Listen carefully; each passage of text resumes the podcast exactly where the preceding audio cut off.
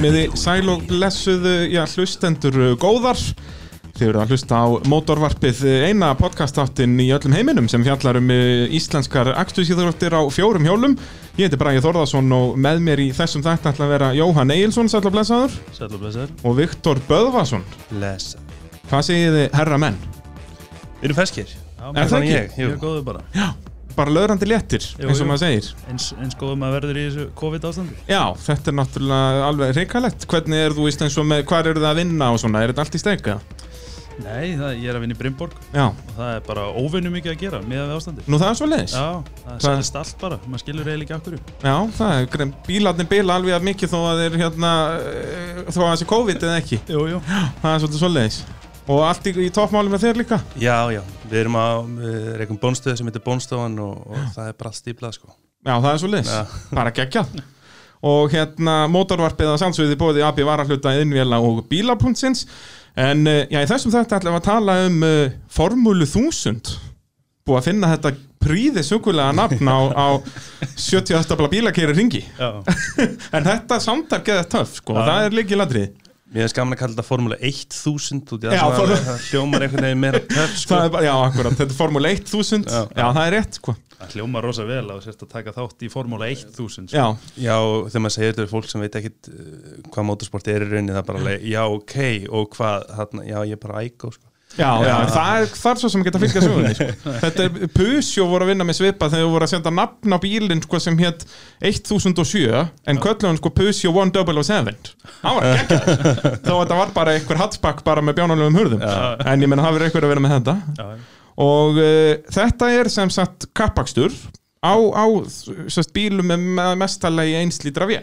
Já, Já, óblásnir. Óblásnir og bara svona þannig séu óbreyttir. Má gera einhverja vélabreitingar eða? Ekki neitt nema bara, þú veist, þú veist vélabreiting og ekki vélabreiting, þú mátt breyta náttúrulega pústinu að því leiti að skilja púskreinin eftir og breyta og þú mátt setja einhverja síu í orginal en einhverja tölvubreitingar nei, neitt. Ekki neitt svo leiðis og, fjöðurinn alveg standard líka. Já, já það er svoleiðis, þetta það má er ekkert svo stíma bátar- þetta eða neitt bátar á landi já, þetta er maður verður bara sjóveikur við að þetta. Já, sko, strategían þegar við byggum til hennar flokka þarna, núna bara í vetur var það að reyna, reyna að hafa hann svolítið líkan þessum þúsund flokki hjá í akkurat, bara svo að menn getur þá ef þeir vildu taka þátt á, á báðum stöðum sko. já. Þannig að reglunar eru kannski svolítið með, með það í huga. Sem er náttúrulega sniðut út af við erum að tala um að það eru til sko 20 eða 30 bílar Já, með veltibúri. bara- ef ekki meira sko. já, nákvæmlega, þetta er að spretta upp bara, það er bara allir ægóðar og jærisar landsins eru komin með veltibúr. Já, þeir eru ekki pressaðir í dag. Ægóðan er í vöku, hann er bara það er ándjóks þannig, það er það er bara þeir eru ekki pressað, þeir eru ekki fræðilegur maður er bara rífresa bíla upp og sjá. Hver er að tjónast. Og, og hérna, þannig að þetta er mjög sniðut að, að, út af þetta er það sem hefur alltaf vantað í okkur Íslendingar, við höfum alltaf langað að keppa í kappakstri en það er einhvern veginn aldrei til nú margir innspílar. Nei, nei.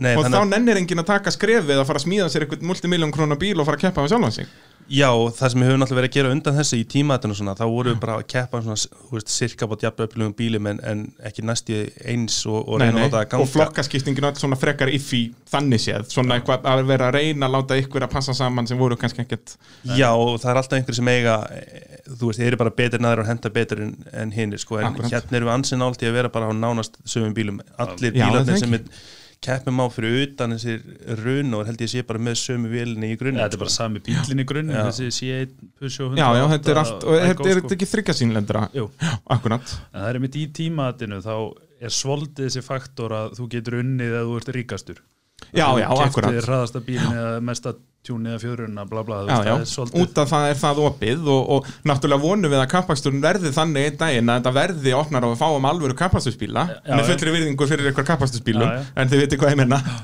hérna, eitthvað Já, nákvæmlega og þetta er algjör snilt og hefur hérna gengið mjög vel, er þetta ekki búið að vera hvað 7-8 keppendur í, í fyrstu tveimur keppnum sumasins? Jú, búin að vera sjö ára áslínu í bæðiskiptin, eða hvað? Já, það voru sjö fyrst og svo voru sjö skráði næst en einn Já, akkurat, akkurat Og og, við og alls er þetta búið að vera 10 keppendur, semst út að það voru ekki alveg sömu keppendur í báðum keppnum. Nákvæmlega. Já, við höfum verið að fá e, fólk úr rallycrossinu, það eru búin að koma þrýr aukumenn beint úr rallycrossinu til að prófa þetta. Já.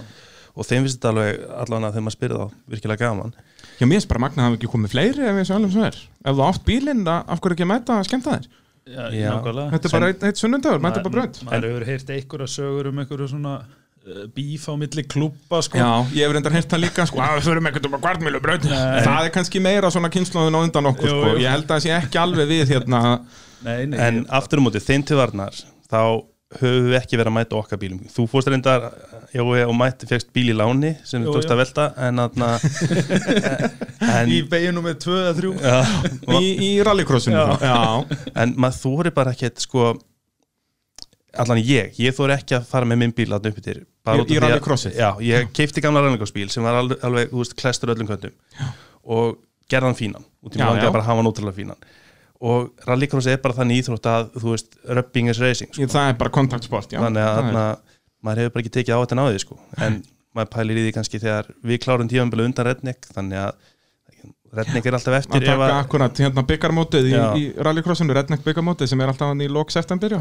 er ekki núna lokaðum fyrir ykkur, hvað, 12. september 12. jú, ég held að Það er- Redneck sé bara Ekki 15. ní, níunda september, okkar senast Jú, níunda kannski, en, en svo bara helginu eftir eða eitthvað er Nei, er, ég held að það sé alveg í lok september, alveg Er það? 20. og eitthvað að, ég er, nei, ég þóri, nei, nei, það er hérna torfæri á eitthvað, það ætla að sé ekki hann að 15. en eitthvað svona Ef þetta verður haldið þar að segja Já, Já, svo það náttúrulega er það ljós. alltaf, alltaf það ætti nú, kappaksturinn ætti að vera haldinni það ekki það er alveg hægt, það er það mikið pláss þar og kannski ekki það margir áherendur Jú, við ættum það ekki alltaf Jú, jafnvel án áhörnd en samt var þetta svo skrítið í mesta COVID-inu þannig vor þegar við vorum að býða bara eftir að geta byrjað æfingum þá Já. voru, voru sömu reglur yfir akstursýþróttir og voru fyrir bara handbólta eða eitthvað Já, bara þótt við sem í ISI. sikkurum bílnum Já, já. inn í lokuðu rými þá, þá þarna, máttum við ekki æfa sko. En við vonum samt að það verði, hægt að klára þetta þannig? Já, já, það er nú komnar eitthvað undan, þú veist, eins og við máttum byrja með rallið þarna í mæ, að þá var bara hægt, þú veist, að í liðin eru bara svona margir og, og þeir eru bara inn í bílnum og við höfum aldrei servist hlýða þannig, þannig að liðin eru aldrei að mingla eitthvað og þú veist, þá er blessast þetta þannig. Já. en það átti náttúrulega að vera byggamótið það ekki núna í, í vor Jú, á sem var IH-brautinni. frestað, já, akkurat en öll Íslandsmótin á KK-brautinni Já, sem kvartmjöluklúps, Já. en eru það að vinna með mismunandi layout á brautinni eða er alltaf, alltaf samir hingurinn? ekki ennþá allan, við hefum keirt bara fullan ring hinga til En, en býður brautin ekki upp á að geta svona eitthvað aðeins? það er alveg hægt að sikksakka á milli og væri að búið til nýja braut og mögulega kera hana öfugt, við höfum Já. aldrei hann réttsælis eins, eins og hann er núna eða, sem er raun einmitt réttsæli sem er öfugt með því að það er ekki ringurinn sem við kennum annarlega sko. Já, já, En jú, maður, þú veist, það væri alveg spennandi allavega kannski á næsta árið eitthvað að prófa að, að fara upp villingin eins og við köllum það. Það er semst að beigja þarna sem við erum hættir að nota í staðin fyrir vinn og nýja kaplan sem er virkilega flottur og góður en, en það er gaman að hafa einhverja fjölbreytni í þessu. Já, og ef að sporti býður upp að það jafnvel að halda þá, þú veist, fleiri umferðir Já, akkurat, ég hafi þetta fleiri umferðir, þú veist, hafa nota í hábrautina, jafnvel að fara til Akureyrar. Já, já, Mm. það verður eftir að vera með braut þar. Þeir eru nú byrjar að malbygga eitthvað voða Akkurat, þeir eru alveg bara og með fleiri tonn af malbyggja þarna, eru alveg að missa sig þarna fyrir norðan. Þá er þetta alveg Íslands mót á, Já. Akkurat, sko, þá er þetta ekki alltaf eins og rallycrossið er að lendi alltaf. Já, já, að það verða allir svo þreyttir á þessu út að þetta er bara, þú mæti sexinum að sömu brautina. Já. og þú veist, jú, jú, svaka gaman kannski í tvö ár en það eru ekki margir rallycross sem er að keppi í einhver áratýji og þetta verður bara þann þreytt Við erum líka bara svo rosalega hefnir að, að, að, að hafa sett okkur þetta markmið þessi hópur hjá KK að, að setja þetta stað Já. og að hafa náð svona mörgum í það að smíða sér bíla eins og Jói smíða sér bíl og, og Gulli og Tommi og þessi Og tveir hérna- unnúaratna sem eru alveg geggjað flott smíði sko. Og það er það sem kom mér svo óvart í þessu. Fyrst þegar ég, ég heyrði af þessu þá var ég handu sem í fyrstu keppnum myndi bara að mæta 15 beiglaði rallycrossbílar. Alveg það er búið að vera svo mikil snild að fylgjast með þessu og þannig eru bara nýbónaðir ótrúlega flottir bílar. Þannig að við sáum það líka bara og hugmyndi spratt þaðan bara hversu mikið snildið er þarna hjá AIH þegar þeir eru að keira þetta rallycross á eiginlega engum kostnaði sem Já. heitlaði kannski hvað mest út í að við erum búin að vera að keiri ringja þarna í tímaðatinu á þú veist margar miljónar konar bílum sem okkur langar ekki að skemma og kostar þú veist mörg hundru þúsundar heka yfir árið sko. já, já, dekkjagangur og bremsuglossar þetta er þvílíku kostnaður sko. og um leið og þú ert komin líka á eitthvað reiskas og eitthvað svona þá náttúrulega skyrocketast það bara Já, alveg út já. úr öllu valdi sko. en í staðin eru við bara á einhverjum veist, ódýrum bílum og kíkjum bara í Max 1 og veslum okkur dekk á, á þú veist, 5 skall stykki eða eitthvað og látum það duga yfir árið. Þetta er bara já, já, draumir í dós sko. akkurat og eins og segir, kannski skiptir út framdekkjónum og setur afturdekkjana framann Já, og eitthvað svona sko. víxla. já, a, a, og þá náttúrulega er kostnæðin þetta er ekki neitt, þú veist, hvað myndið hvað kostar svona bíl tilbúin, þú veist, ef, ef þið myndið gera þetta svona, já, eins flott og þið eru að gera þetta. Sko, ég, minn bíl, ég fór kannski aðeins dýrari leðina. Já. Ég kefti mig bíl sem var ekki tjónabíl en er svoleiðis, hann Já, já. virkaði, fekk hann reyndar alveg á góðu verði, 690.000, ég gæti smíða búrið sjálfur, áður en ekki að borga fyrir vinnu þar. Akkurat En ég myndi kannski setja verð með á bílið minn svona 900 miljón sem að kostaði mig með því að kaupa hann. Akkurat Þú getur alveg mætt hann með bíl fyrir 400.000.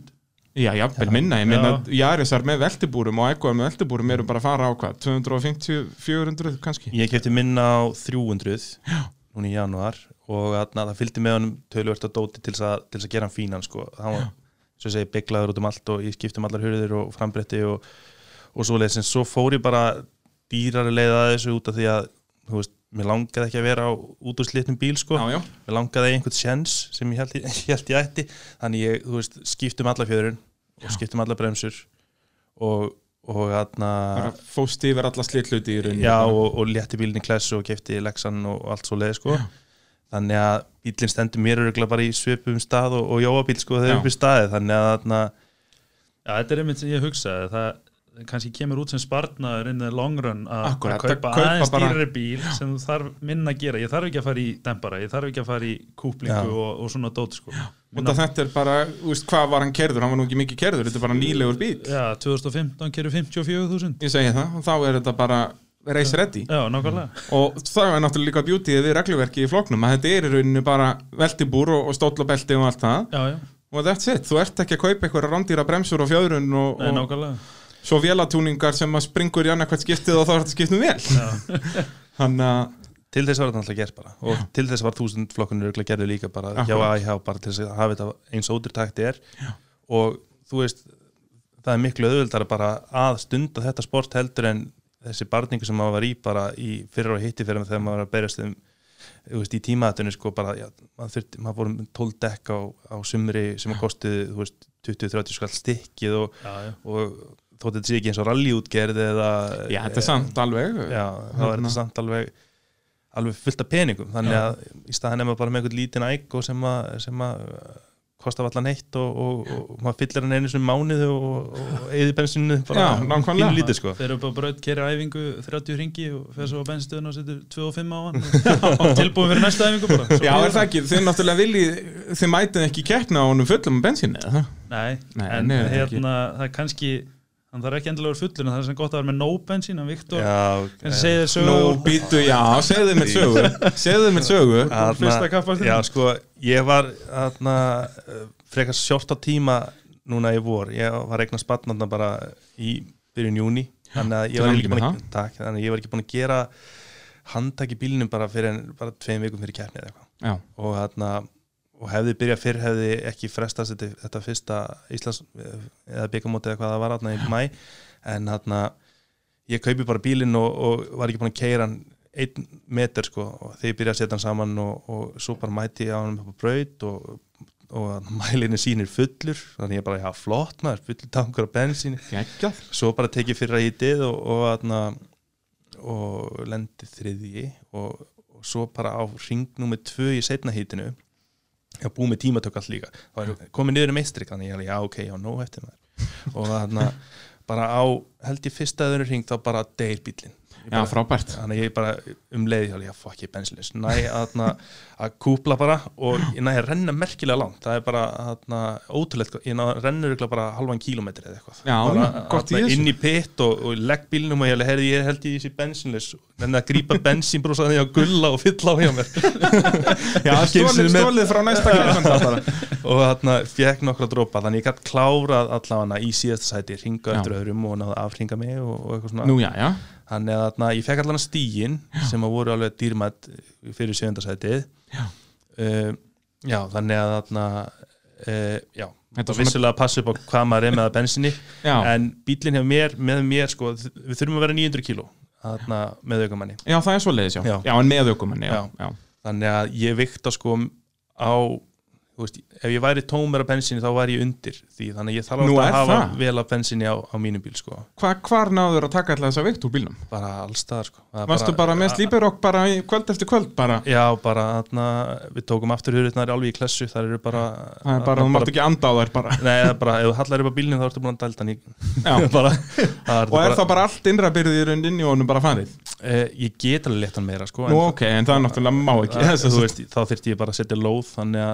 gulli með, gulli með lóð Nú já, er það svo leiðis, Já. já, Og Er, það er náttúrulega eina vitið Já. þá ert að ráða hver þingdin er. Og Já, bara setur bara hlýfðapönnu eða eitthvað undir hann og bara alveg neðist og þá höndlar bílinn bendur jafnaði þú náttúrulega einn í bílnum og hinum einn og svona. Já. ég finn það alveg á þessum bílum náttúrulega á þessari standard fjöðrun að það munar alveg hvort áttinni er að beigja Já, já mig, bara út sko. af því Já, það er auka akkurat 100, 110 kíló einum einn í bílum sko. Og þegar að bílinn er bara 900 kíló þá náttúrulega munar hellingu það. Þannig að, að það er góðu punktur. Já. En er það þá eitthvað, þú segir að Viktor að þú getur létt þinn meira. Er Það það, þá að gena vitið og henda lóðum næst í Jú, jú, sérstaklega Aron hann er fanatísku með þessa þingd sko. hann, hann er alveg búin að gera mest í þessum bíl þótt hann sé ekki að kera sjálfur sko. þá er hann búin að vera bara já, skerðu hérna og, skerðu hér og, og En hvað með Aron, hann er nú uh, búin að vera ólsegur í, í hermikappakstri og, og tímaati og öllum pakkanum. Er, er, er hann með bíl eða er hann að fara að smíða bíl e, það er alltaf inn í myndinni sko, tókst hann með viðbjörnsbrjóta sig í, í atna, snemmi sumar þannig hann er svona Nú. bara hann var alltaf keirandi sko ennþá. Já, já Þannig að þarna, e, jú, jú, auðvitað við sjáum hann alveg fyrir, fyrir aftan stýrið á einhverjum tímapunkti sko og vonandi bara næsta sumar.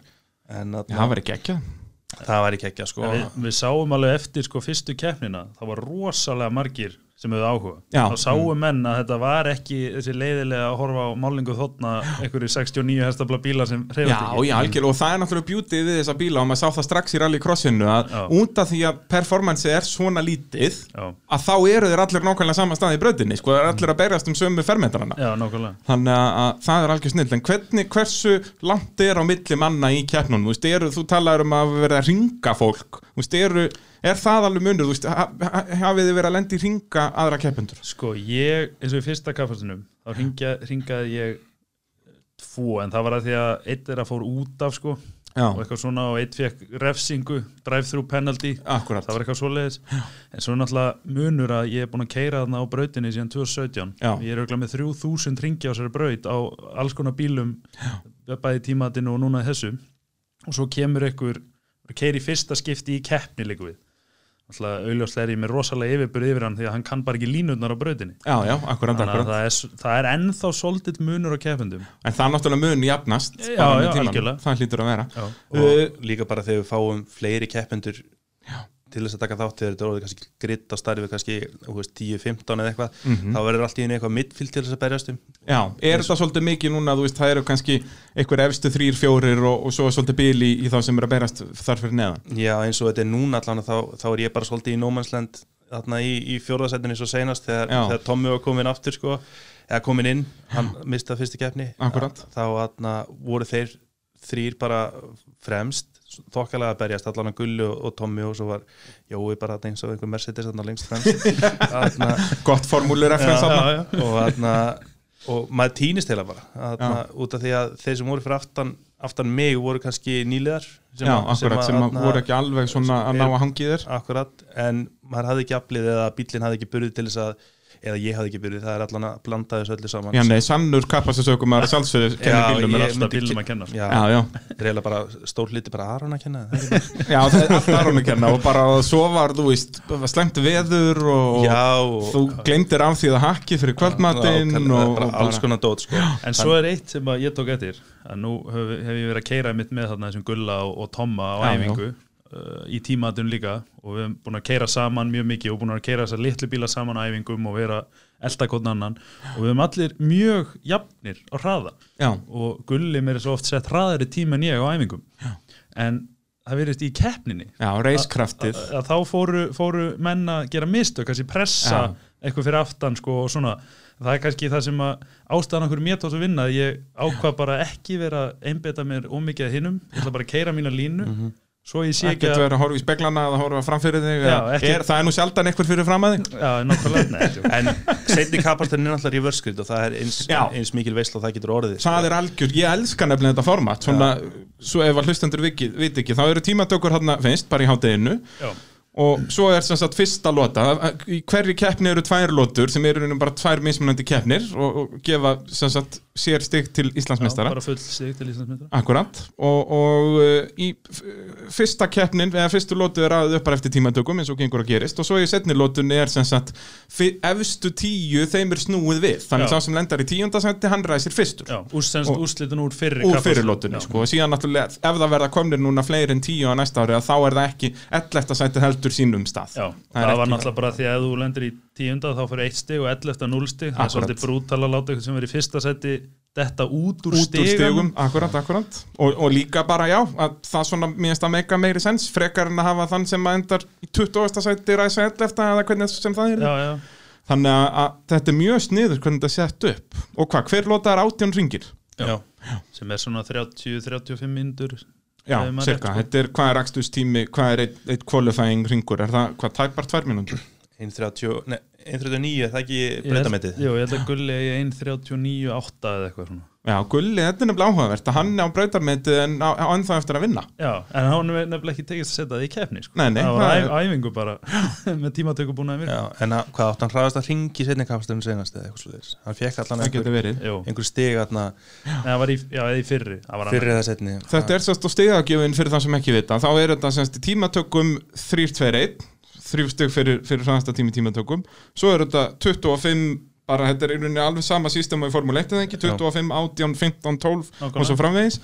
Og það er það í, í lotunum tveimur sérst 25 og 25 og svo er eitt auka steg fyrir fræðasta ring, bara alveg svo í Formule 1 Já, en þetta er þetta Formule 1 jú, jú, Þúsund. Já, Þúsund sinnum betra en Formule 1 það er nákvæmlega svo leiðis uh, hvernig byrjuðu þið í motorsporti? Við byrjum bara þér Jóhann Sest, hvaðan kemur þessi, þessi bíláhugi og, og, og já, motorsport áhugi almennt? Sko, ég er tengdur Brimborg bara fjölskyldunni Já, já, það er bara, þetta er allt í blóðinu Þannig að ég er bara alinn upp í kringu bíla sko. Já. og svo byrjaði maður eitthvað, ég kaup mér eitthvað gamla Volvo 240 og sett resa turbín á hann og eitthvað svona vitleysu og svo hérna er ég að fara að byrja í háskóla og kaupi mér Ford Fiestu ST Wow. eitthvað svona sportlegt en samt sparnetið sko. Já, já, svona lítill krútlegur en samt ST já, já, nákvæmlega og, og svo sé ég þessar brautaræfingar hjá kvartmíluklubnum hann og ákveða Já. að kíkja með bílinn og það er búin að vera síðan 2017 á, á fíastu ST Ég byrjaði á fyrst ST, svo fekk ég með Focus RS Akkurat, akkurat. uppfærið í stóra bróðurinn og, og svo núna downgreitaði í Citroen C Citroen C en með veltibúri. Þannig að það er ekki, það voru ekki veltibúri hinnu bílunum Nei, nei, Þannig að það er nú líki ladrið Og hérna, en, en þú Viktor? ég byrjaði já, fyrir mörgum árum. Já, þarna bara líka við þegar maður fekk bílprófi þá þarna og komin á einhvern almennilega bíl eða þannig þá voru þessir akstusæfingar upp í AIH braut sem var eiginlega bara ekki neittni notkun þetta var eitthvað svona látiða sko. Hann Dóri, Porsche og, Fannar voru að halda Akkurat, þessar akkurat. æfingar maður borgaði þúsund kallar fekk að kera bara ringa til ring hvenar er þetta? Bara þetta er 2008, 2008 9 Já. eitthvað, já. Þetta er 2007-08 sem og þarna var eiginlega bara svolítið svona svona bara einhver armur af lift og cruise fólki pluss einhver svona þetta var einhver þannig stemming sem maður var inn í þegar maður 18 ára Og Og- hvernig ákvaða bíl varstu þarna? þarna var ég búin að kaupa mér R32 Ná. Golf, já.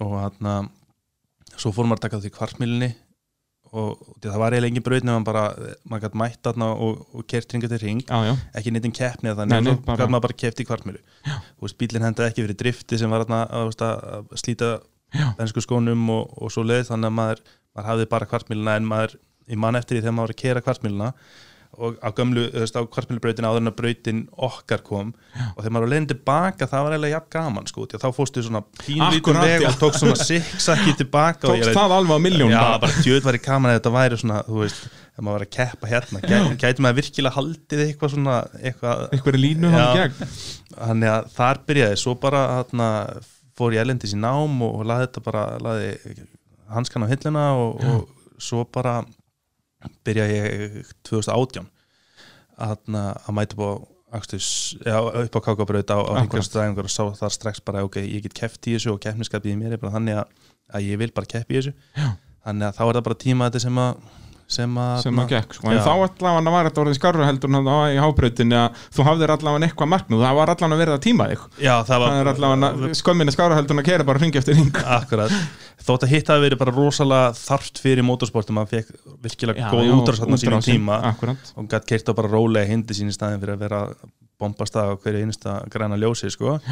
þannig að þarna, en jú, þarna var komin einhver umgjör sem var rosalega professional og maður kunni vel við það og, og, þarna, og rallycross hefur aldrei heitla mér neitt svakalega þannig að þarna var ég komin á einhvern stað sem að ég gæti sé fyrir mér að vera á þannig að þarna, já, Þannig að hérna, og eh, varst ennþá á sama bíl hann? Nei þarna var ég komin á Goal GTE Já, og svo 2019 fór ég aftur yfir F32, gefti annan þannig Já. seldi hinn að hann ég fór út í námið akkurat þannig að þarna kefti honum í fyrra og svo er hann bara núna í úr vinnu sko. og Já. er eiginlega bara svolítið þakkláttu fyrir það að, að þurfi ekki að vera á, á miljón allan allan tíman Allan akkurat, Þetta er bara akkurat. tekið útrásin út af einhverjum, einhverjum æko sem að skiptir einhver máli Það er svolítið svoleiðis uh, Við skulum halda áfram spjallinu hér eftir örstu klíja Þið eru að hlusta á mótorvarpið hér á Sport FM 102.5 og AB varahlutir að sjálfsögðu aðal styrtaræðileg okkar eins og vinnulega og þar finniði já, varahluti á uh, frábæru verði já, út um allt land, AB varahlutur í Reykjavík, Egilstöðum, Reykjanesbæ, Selfossi og Akureyri. Og uh, þá sérstaklega að minna á ferðavörurna núna þegar fólk er að ferðast innanlands og til að mynda núna á tilbóði eru síðan speklar fyrir tengivagna og læsing á dráttarkúlu og símahaldarar og USB hlæðslu tengi og ég veit ekki hvað og hvað Sæl. Þannig að það er um að gera að skella sér í AB varalhutið, annað verið fáralegt. Uh, en við erum hér að tala um uh, Formúlu 1 1000 Já, uh, með Jóhanni Egilsinni og Viktori Böðvarsinni. Það ætti eiginlega að vera regla að, nefn, að segja þetta svona Já, ég held að með, við- með hikinn sko. Vera, þetta á að skrifa sko Formúla 1 punktur, punktur, punktur, 000. Já. Mér finnst það, þetta er að vera hérna eða að, bara læst næstu línu fyrir neðan Já, eitthvað svo leiði sko Þannig, og, og ekkert fara að útskýra neitt meiri eins og vorum að tala um, ekki fara að útskýra hvernig bílar eru og bara, Nei, við erum með körfustóla og veldibúr og þetta er geggjaður og bara Já. Góðan daginn Viktor, ég, ég er að keppa inn í Formule 1 og mér vantar hérna og mér vantar hérna 2 miljónir hér og, og, og nýjan galla og, og, takk fyrir bless.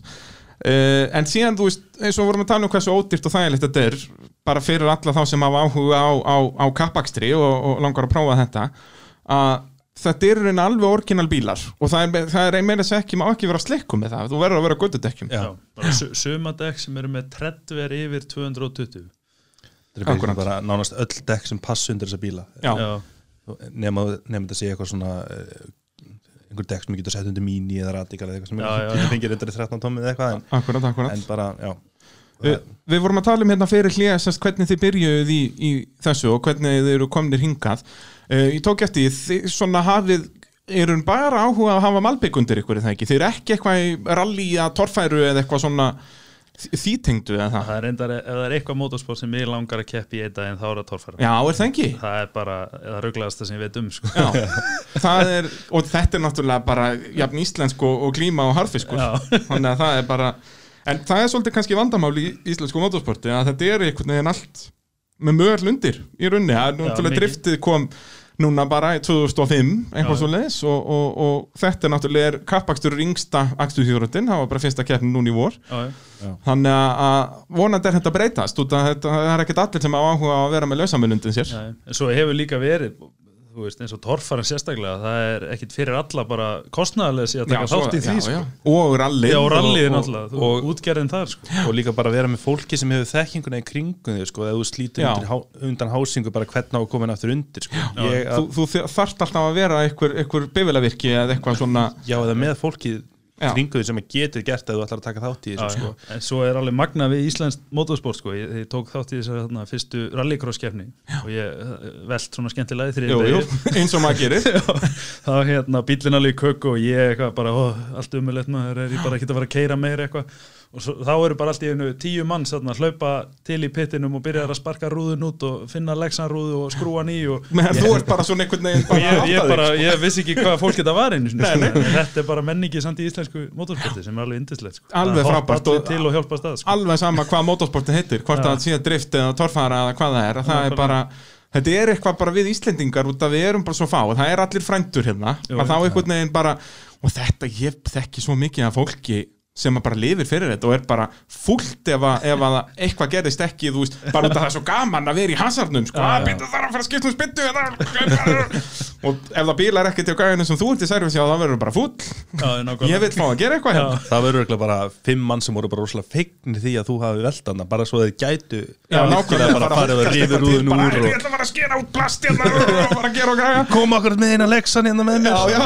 Og bara allir þólkastu upp En það er kannski líka eitt við hérna Formúlu 1000 því að svo vilja ekkert allir endilega vera Formule 1 Já, meina 1000 það, já. En vilja náttúrulega ekkert allir verið í þessum endalösu viðgerðum. Já, að það er kannski kostur við þetta að veist, ég er valla búin að eiga í bílinn, ég er bara skynni bremsuklossa einu sinni já. í sumar. Já, þetta er einmitt ekta fyrir bara þú getur verið bara á, í framhaldsskóla bara og ekki vita neitt um bíla. Nei, og þú myndir alveg spjaraðið þarna. Vissulega, jú, það gæti eitthvað gest og svona svo lengi sem þú getur skipt um dekk að- að Já, já, þá ertu nokkuð koferaður og ef eitthvað stórt gerist þá þýðir það yfirleitt að þú ert dottin út þann daginn en ef er eitthvað svona millivegur er að þá myndi eitthvað koma að hjálpa þér. Þú getur meiri segja sko bara ef þú átt ægó þá getur þú bara, þú veist, farið með hann til Jóa hann hendir búr í hann og svo getur þú haldið á sem farið hann á hann í skólan sko Já, já, Bara ef þú- þú- var það töff. Jói bara átti bara þennan Já, bíl. það er svolítið. Ég var að, hérna, var að selja Fordin að því ég var að koma mér íbúð. Og Þannig að þú rúlar í vinnuna. Þannig þannig ég kefti mér sétt og kerði hann allan veturinn. Og svo í lok veturs þá fór ég með hann inn í skúr og reyfi innréttingurinn og búraðan og svo þannig að svona smá milli bíla ástandi að þá var ég bara rúntand um Já, á ég, ég búrið sá sko. þið nefnilega einu sinni öfyrinni í sumar. Var svona pælabúst, er hann á leiðin í hjólastillingu eða hvað er að gera? Þá er hann bara að vera á leiðin heim og vinnunni. Það var bara kósi sko. Þannig að sko Jói er búin að fá þrefalt meira seat time bara í sumar Já, bara- bara á í- Miklubrautinni, já, sko. bara út af því að hann, bara, hann getur tekið bara beinin á snorrabritt bara svolítið á mínúti ferð og já, svona höndla bílinn Já, það, og það er ekki einu sinni ólulegt þetta limit of grip þarna bara, þú ert bara á 60 Já, nákvæmlega Þú átt sér allt í kvínandi botni það já. ekki mikið hraðar en 80-90 sko. Alltaf frétta, sko uh, Núna þegar það eru komnir semst, ef það koma fleiri flokkar í þetta hvernig sjáu þið þetta þróast þetta sport, þú veist eru komnar til dæmis reglur fyrir eitthvað aðra flokka Nei, það er ekki komið það, en við tökum yfirleitt þessa umræðu, við erum svona sameldin hópir sem, að, Já. sem eru svolítið kjartin að þessu og, og, og það eru margir sem er hróskilið fyrir, fyrir allar þessa skipulagningu og halda þessa keppnir og svona en þarna, þessi umræðu hefur bara ekkert byrjað í rauninni. Nei. En í En- raun eru samt reglurnar uppsettar þannig að það er hægt að keira kappakstur í öllum tímaðsflokkunum Já, ok, þannig og það er náttúrulega fullt af flokkum þar. Já, það er, þú veist, eins og göttubíluflokkurinn en þú mátt ekki keira hann í kappastri nema að vera með búru og eitthvað. Já, já, allan- bíl öryggisbúnað. já, sem passar þar og bæti búri og þá gætir þú keirt hann í kappastri Já, en þú veist, þá er samt komið bíla sem eru misjafnir og svona já, já og þá meira á milli sannsögðu, sko. en, en þá ertu komið með svona meiri græjur. Já, Já, en segjum bara sér svo að, að það komi einhverjir aðilar, bara eh,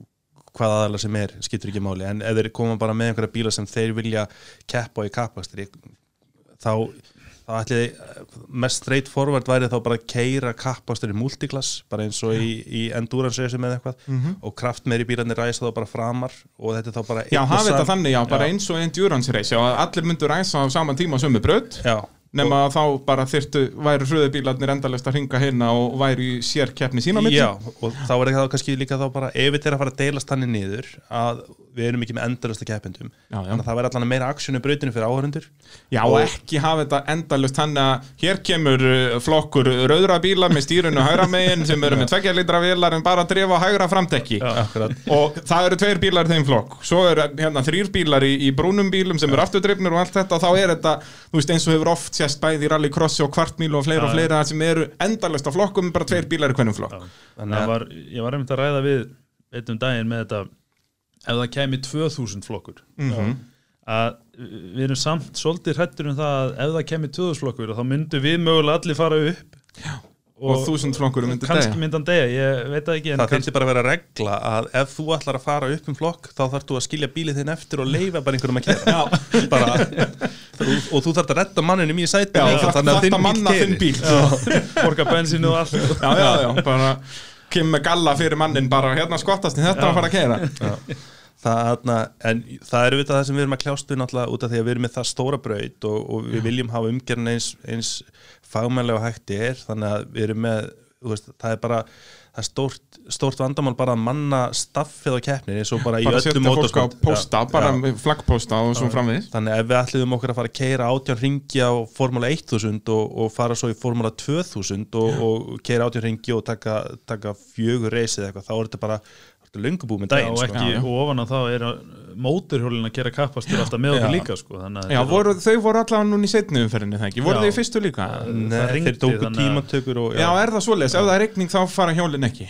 Já, það þeir er ráða því bara sko, Já. og taka sín, ákveðin sín á milli hvort þeir allir sér að keira eða ekki en þeir eru allir bara á slikkum þannig að Já, það er náttúrulega frekar hættulegt já, Jú, jú, en ástæðan sko, það er til regdekk á móturhjólin Já, já. en þeir hafa ekki verið að kaupa það því að það er smá galli á kvartmílubrautinni að við komum niður kvartmílubrautina sjálfa Akkurat, í sem stöðu og átt. Já, og á henni er borið svona trackbite Akkurat, til þess að meira greip fyrir bílna en í bleitu verður þetta eins og keira á ís. Jöp, spurðu bara alla formule 1 ökumenn sem kefti í Þýskalandi fyrra. Og hérna og það er einmitt málið að ég talaði við móturhjólagæðin og hann sagði bara það er ekki tilgangur að kaupa eitthvað rándi regdekk því að þau gera ekkert gagna á þessu Nei, er. þú ert alltaf á að þetta er bara það hættulegu staður að við ætlum ekki að keira inn í. Og sérstaklega eins og já, þú ert að koma niður kvartmjölubraut það er búið að vera bara væg beigja hann inn á hann þannig, að þú ert að fara ansið hratt og Lit, litlu bílarnir, ég er að slá þann út 130, ég var á Fordinu hjá mér 180, móturhjólin er örugglega 180, 200 þarna niður sko. Síðan þú nærði ekki að bremsa þetta eftir af þá ert þú bara að fara bombin í stjórnstöð Já, að okkar er utan brautar sko. Við erum Já, að svoleiðis. alveg upp við vegrið þarna í ytterkantinum og þverum svo brautin eins, eins mikið og hægt er. Það þarna- að vera, hafið þið verið þannig í rigningu sa- ekki keppni þó, en á æfingu? Það var Já, keppni. fyr- fyrsta fyrsta keppni. keppni og ég fekk að kynnast þessari beigju með því að fara út af sko Já. og, og misti annarsæti, eftir að Gulli misti annarsæti eftir að fara út á sama tíma. Þannig ég, ég náði ekki að læra nógu vel að því eh, jafnvel þó að ég hef séð að gera sko. Já. Þannig að þarna, Já, þetta er alveg hægt helviti trikki út eins og segir, þú ert það mikið hægra megin á brautinu og þarf síðan að skvera yfir hann alla að, og, þegar, og þetta er allt eitt svell og, og síðan Já. að reyna að býða eftir greipinu á, á malbygginu sem þú grípur þig sko, þetta getur verið strempið og það og, eins og við segjum þarna, við erum búin að kera þarna heilmikið og þegar við vorum að kera þarna í þurru þá var allan að ég að gera, ég veit ekki hvort Jói hefur að gera við vorum svolítið að bremsa inn í beiguna á þessari í að við tekum svona kapli sem, að, sem krefst þess ekki að maður fari fúlu þróttur heldur erum að taka svona hál, hálfpartin herpin þannig að þarna við vorum þú veist, lína sem að tók var bara raunin að maður bremsaði inn í beiguna og leiði hann svo bara fljóta einhvern veginn þannig gegn. Já. en það virkar ekki bleita á þessum bílum. Þegar þú bremsar þú veist, inn í beina þá ertu bara að bremsa á þessu svelli sem að enda bara út í möl sko. En aftur á móti þá er nýr kapli að fara að koma þarna næst ári vantarlega hann átti að klárast núna. COVID Indislega flensan okkar. Já, þá náðist það ekki. Þannig að það er verið að breyka brautina og þannig að ringkastbrautin færist frá kvartmjölubrautinni þannig að þá- kemur utar sem sagt út úr út úr efri kaplanum inn á nýjan kapla þannig að brautin breytist aðeins en fyrir viki þá erum við að losna við trakkbætið og þá eru mótjónum líka að losna við trakkbætið þannig að vonandi fara þeir þá að kaupa sér regdekk út af því að þarna, það eru veist, 70% líkur að það veri rigning Já, já, við búum á Íslandi sko. meiri líkur að sé haglil heldur en sól Já, já, er allan tíman og þá eins og segir geta, geta motorólin verið í öllum aðstæðum já. sem er náttúrulega algjör snill uh, Hvernig er framtíðin með þetta, þú veist, viljum við fá, fá lengri keppnir, þú veist, þannig að það væru pitstop jafnvel? það hefur náttúrulega verið svona innan gæðsalapa hjá okkur síðustu þrjú ár þá hefur verið að kera þólagstur Já, akkurat, og þá eru bara skildustopp já, En í kappasturinnum, er eitthvað áhugi að að láta menn annarkvort að þurfa að koma inn eða bara, já, að, hafa einhvers konar bensi, þetta þyrfti náttúrulega alltaf að vera bara fólk þyrfti að koma inn og þú, Já, það þú þyrftir að keiri marga klukkutíma til að slíta þessum dekkjum eitthvað að viti eða, Já, já, eða að þú- klára bensínu þú næri ekki að klára bensin ekki fræðilegur sko. Æ, ég veit ekki hvað maður þurfti að kera lengi til að klára dekk og bensin og Já. svo litlu bílum sko. En er það eitthvað áhugið, þú veist, að hafa þetta kannski setja þetta upp í, í eins og hálfs tíma reis og, Já, og, sé eða eitthvað- þá bara komin í þólagsturinn kannski?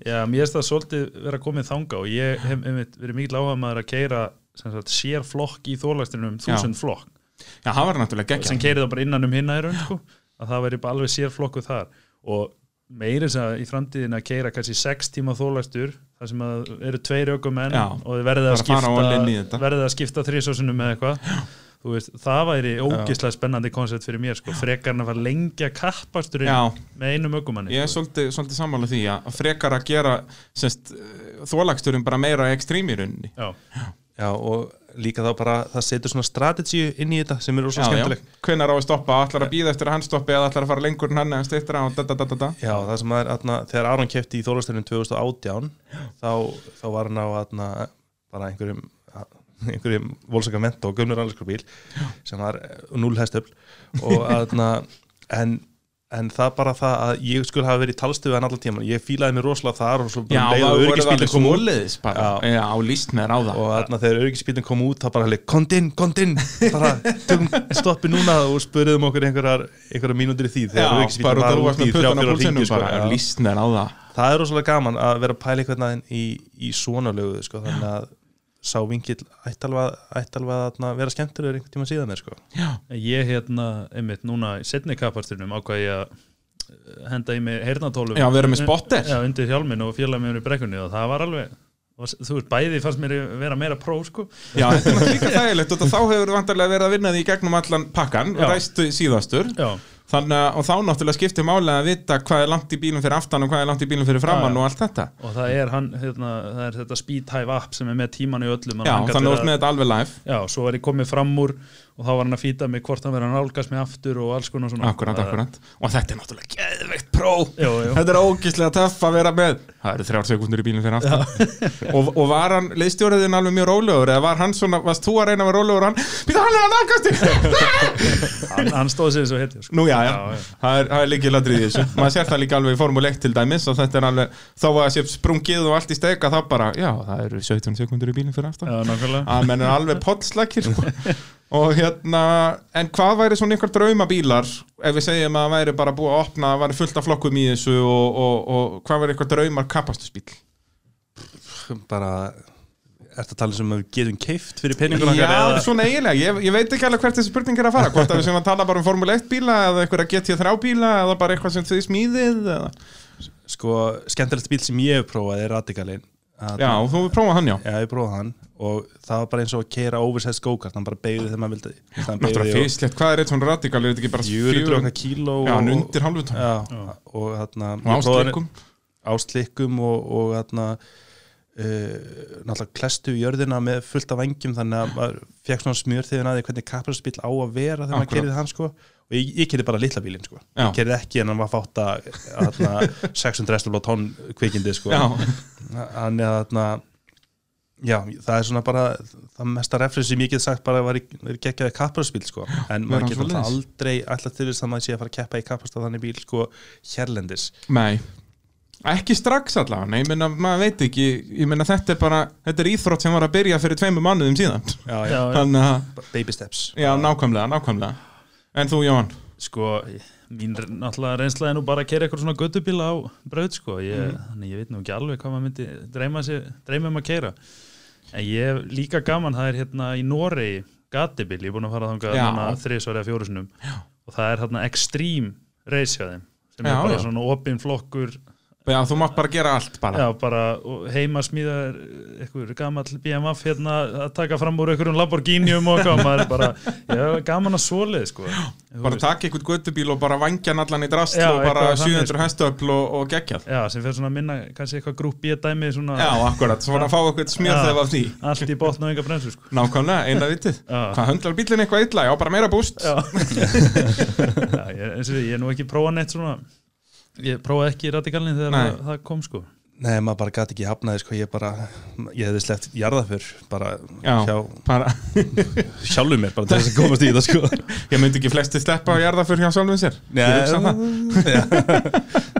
Það mæti ég einn jarðaför alltaf Kannski fínt að hafa ekki prófað þetta, því að þá hefði ég glendað að kaupa það. svona. Já, er það ekki, þetta er stór hættulegt maður var bara, maður var lasinn bara, bara, maður var á reiskast direkt bara hvað kostar svona Hvað kostar eitt svona? Bara, bara eitt lítið getur maður smíða þetta sjálfur einhvern veginn Já, er, er ekki eitthvað svoleiðis? Er þetta ekki eins og svona keitraminn? Þú getur keift hann í bútum já, það er náttúrulega eitthvað sem að svona einhver svona kitkar sem að getur verið rosalega skemmtilegt og svo eru bara alls konar þú veist, formúlubílar sem að sem eru hilklæmbílar og þú getur fundið út í Breitlandi fyrir til til að lítið pening sko, sem að væri rosalega gaman að eignast og prófa einhvern tíman sko, að eiga single seater sko. Já, já, en þá náttúrulega það væri svolítið leiðinlegt að kaupa svoleiðis og vera bara pallið einn í heiminum alltaf það, er, það er það sem stoppar veist, Flesta. flesta. sem að hafa raunverulega efna á þessu Já, já. það væri geggja að þú ættir efna á þessu og þekktir fjóra, fimm aðra sem hefur líka efna á þessu og þeir myndu, þú veist, kaupa allir saman Já, já, það er einmitt það sem þetta snýst um þessi flokkur að reyna að fá sem flesta sko. Já, já, ég, ég, vil, ég vil sjá bara einhvern tímann 20 bíla gritt sko. Alvöru bara, Já. það væri náttúrulega geggja og það sem er svo skemmtilegt við þetta aðna, svona í samanbyrju við tímati eða, eða svona rally eða einhver svona aðra sem þú ert svolítið bara að taka tíman að þér. Þú þú rosalega mikið að spá í hvað aðrir er að gera Já, já. og atna, þú ert bara upp við stöðurnánum og allar innanverðina, utanverðina hvenar allar að bremsa, hvenar þarf þú að bremsa og hvenar þarf þú að verjast þetta. Þetta er allt pælingar sem eru bara geggjaðar og er bara ótrúlega gaman við þetta sport að þú þarft að vera svo mikið á tánum á svo mörgum hlutum til þess að þetta gangi upp fyrir þig að þarna, það er það sem heitla mig hvað mest við kappastur sko þegar maður mætti á, fyr, þú veist, á fyrsta kappasturinn á grittið með alla bíluna í kringu sig og gæði sem var að fara að droppa fána hjartað bara já ég tók púlsinn á mér á úrinu bara ég var í 150-60 Já, ég- bara fyrsta Ég var alveg svona shaky og Já, og já, já. fótum svona smá sko í fyrstu beigjum sko Já, og miljón manns í kringum maður, svo er maður bara er bumper to bumper og maður fer í gegnum allan fyrsta kaplan og, og niður á kvartmjölubreytina komin upp fyrir 100 og maður er ennþá bara 10 cm frá stuðarnum næsta manni og fyrir aftan hann og bara ef einhver bremsar aðeins og seint þá er hann komin í raskatið að þér Jep. og þeir eru báðir bara farnir í Upp í stjórnstöð. Þannig að það er svo mikið aspektum í þessu sem að eru svo skemmtileg fyrir mér sko Algjörlega og þarna kemur þetta reiskraft ef það er já. orðað þannig að það er vissulega margir sem geta kert mjög hratt í einn ring en, en að geta nýtt sér það fullkomlega annarkvort að taka fram úr einhverju með að reyna að verjast á þess að tapa miklum Já, já. tíma og allt þetta, þetta er allt miklar pælingar Þetta er einmitt að það þarf bara einhver ein mistök hérna. Gulli var alveg hérna, í fyrsta kappastri ásins þá var Gulli alveg raskatinn á mér og svo fer hann út að hana í einhverjum að reyna að flýja þig sko. Já, já, og veist og þá er ég bara búin að stinga af. Bara Akkurat. ein mistök. Og núna aftur setna þá er mitt Gulli var að nálga nei hérna var fyrir frammi í setni kappastri sem er í vörskritt bremsar og sein fer aftur út Fer af aftur út af. þá fer ég fram úr. Þú hefur eitthvað áhrif á hann Já, heldur, þú nærða að pressa hann upp í eitthvað vitleysu. Það lítið þannig út sko. Og svo var hérna sem ég var mjög áhugavert núna síðast að þá var Gulli og Tommi hérna í kapparti fyrir aftan mig. Og að því að Tommi var svo mikið að blokka og þannig Já, já, Þá- þá, náttúrulega tapar hann tíma. Já og ég stakka alltaf braf á með hann Akkurat, akkurat, Þa, alls þetta er svolítið vandamálið um leið og einhverju tveir eru farnir að slást að þá tapa þér tíma, alveg, alveg sama hvað. Þó að sért að verjast já, og þú ættir bara að hugsa um að fara því línu og allt þetta, en stundum verður að loka á hann og allt þetta og þá tekur þú lélega línu og tapar tíma. Já, og það er það sem er skemmtilega við þetta reverse grid og mér finnst að þetta ætti bara að vera alltaf. En Já, það er ekki hægt. bara- en, en þarna, bara í öllum kapastunum verður bara reverse grid en þá ertu með hægari bíla fyrir fram að þig þannig að þú ert í rauninni sko að verjast hraðarbíl fyrir aftan þig Akkurat, og akkurat. sækja hraðarbíl og það er einhvern veginn að finna balansið á þessu þannig að þú kom sem best út úr þessu því þú getur ekki bara verið að verjast jóa fyrir aftan þig, Nei. þú ert líka verið að sækja á sækja á þann sem er fyrir framann Já.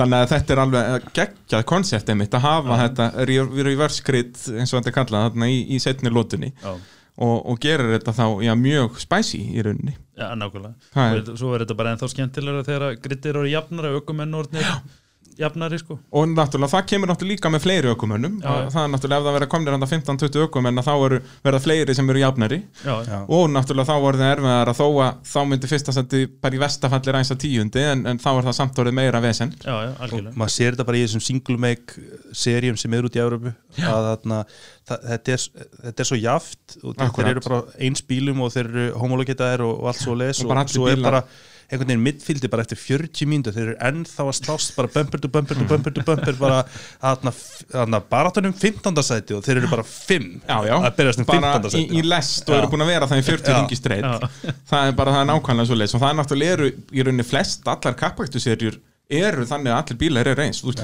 maður heldur út að Formule 1 er ekki svo leiðis og þá heldur maður að allir kappaktur séu þannig. Já. en það eru veist, Formula 2 og, og Formula E og allt þetta, allir Formúla bílar 3, eru alltaf þetta er allt bara þetta er allt eins bílar. Já, og svo er þetta bara spurning um lið og veist reyndar eins og í Formule E að þá er það sérst mismunandi vélar að menn með að hanna sín eigin mótora. Mhm. en, en það er mjög vinsalt já að hafa þetta allt svipa og það er það sem Formule 1000 hefur einmitt þessi bílar eru allir mjög áþykir Já, það voru einhverju menn sem voru ekkit sérlega hrifnir af þessu Formula 1000 koncepti Já, já. Svo þetta væri, myndi verið eins og að horfa á málingu þóttna sko. Akkurat, En það er bara málum með kappastur, hann er skemmtilegur hann í jafn. Já, það er akkurat svo Hvort hvort það sé hægur eða hraður sko, þú sér það ekkit endilega. Nei, Nei, bara svo lengi sem skiptir- fólk er að slást. Já, ég er að segja það. Ma, maður hafði kannski svona eigin efið sem til, til þess að byrja með að vera að fara að keira einhvern þú veist, 60 hestafla bíl. En um leiður komin á grittið og þú ert bara umkringdur þessum bílum það skiptir engum máli hvort þú sért á 200 niður beiningaflan eða hvort þú sért á 100 þetta er enda Já, bara jafn mikil geðvik Ég segi það, ef það er alltaf bílar í kringu þig og þú er áhugjur að býta þess að fara að klæsa aftan á mig eða er ég að fara að átbreyka mig unni þessa beigju og dan, dan, dan, dan, dan. og svo á vissin, vissan hátt er þetta líka erfiðara að þú veist, miðstökin eru dýrkiftari á svona aflitlum bílum því ef þú kemur mjög hægt út úr beigju á sumum stöðum að þessari braut þá refsar hún alveg grimt sko. Út af þú hefur ekki aflit til þess að toga upp einhverja brekku ef þú bara mistar að bremsupunktur þínum eða, eða gerður einhver mistök en ef þú værir á 300 stafla bíl þá hefði það prósendilega miklu minni áhrif Já, já. sko. En það er líka bjútið upp á sko fólk sem er að læra að keira í kampakstri að þá er þetta náttúrulega ekta staðar til að byrja á og maður hefur heyrt keppindur tala um þetta þú, ég man alltaf eftir þegar Daniel Sigurðarsson markvöldur Íslandsmeisteri rally talaði um þetta hann var með bilaða turbínu í dag í rally Reykjavík Já. þá fyrst lærði hann að keira þá fyrst hann fyrst að koma staði hversu aflið er mikilvægt og fóra alveg að fara eins hratt og hann mögulega gæti gegn allar beigur og það er nákvæmlega það sem þessi Formula 1000 er að Já, gera. mér finnst ég alveg að bætt mér rosalega sem ökum að Já, er það ekki? Alltaf að- að fara úr fjórhjóladrifnum 350 stafla bíl sko, Akkurat, yfir í bara þetta. 70 hastefli Já. bara og, og minnstu mistök og það er bara nei, það gerist ekki, Já, nei. þú veist, Ég gæti ekkert bara un- farið á gjöfin og Já, alveg bara spálaði mig út Já. sáttir skilu, það gerist ekki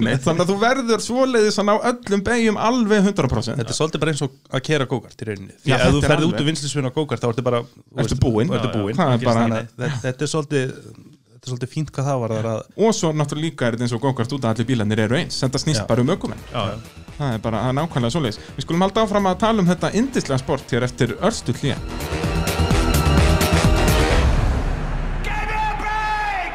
Þið eruð að hlusta á motorvarpið þér á Sport FM og uh, motorvarpið í bóði já, bíla.sins meðal annars uh, í grófinni 7 Reykjanesbæ dýrindis vestæði þar sem að já, það eru með smáréttingar viðgerðir á lakki, rúðum, ljósum og með þessi innréttingum, hvort sem það sé leður eða taugi eða, eða hvað það heitir.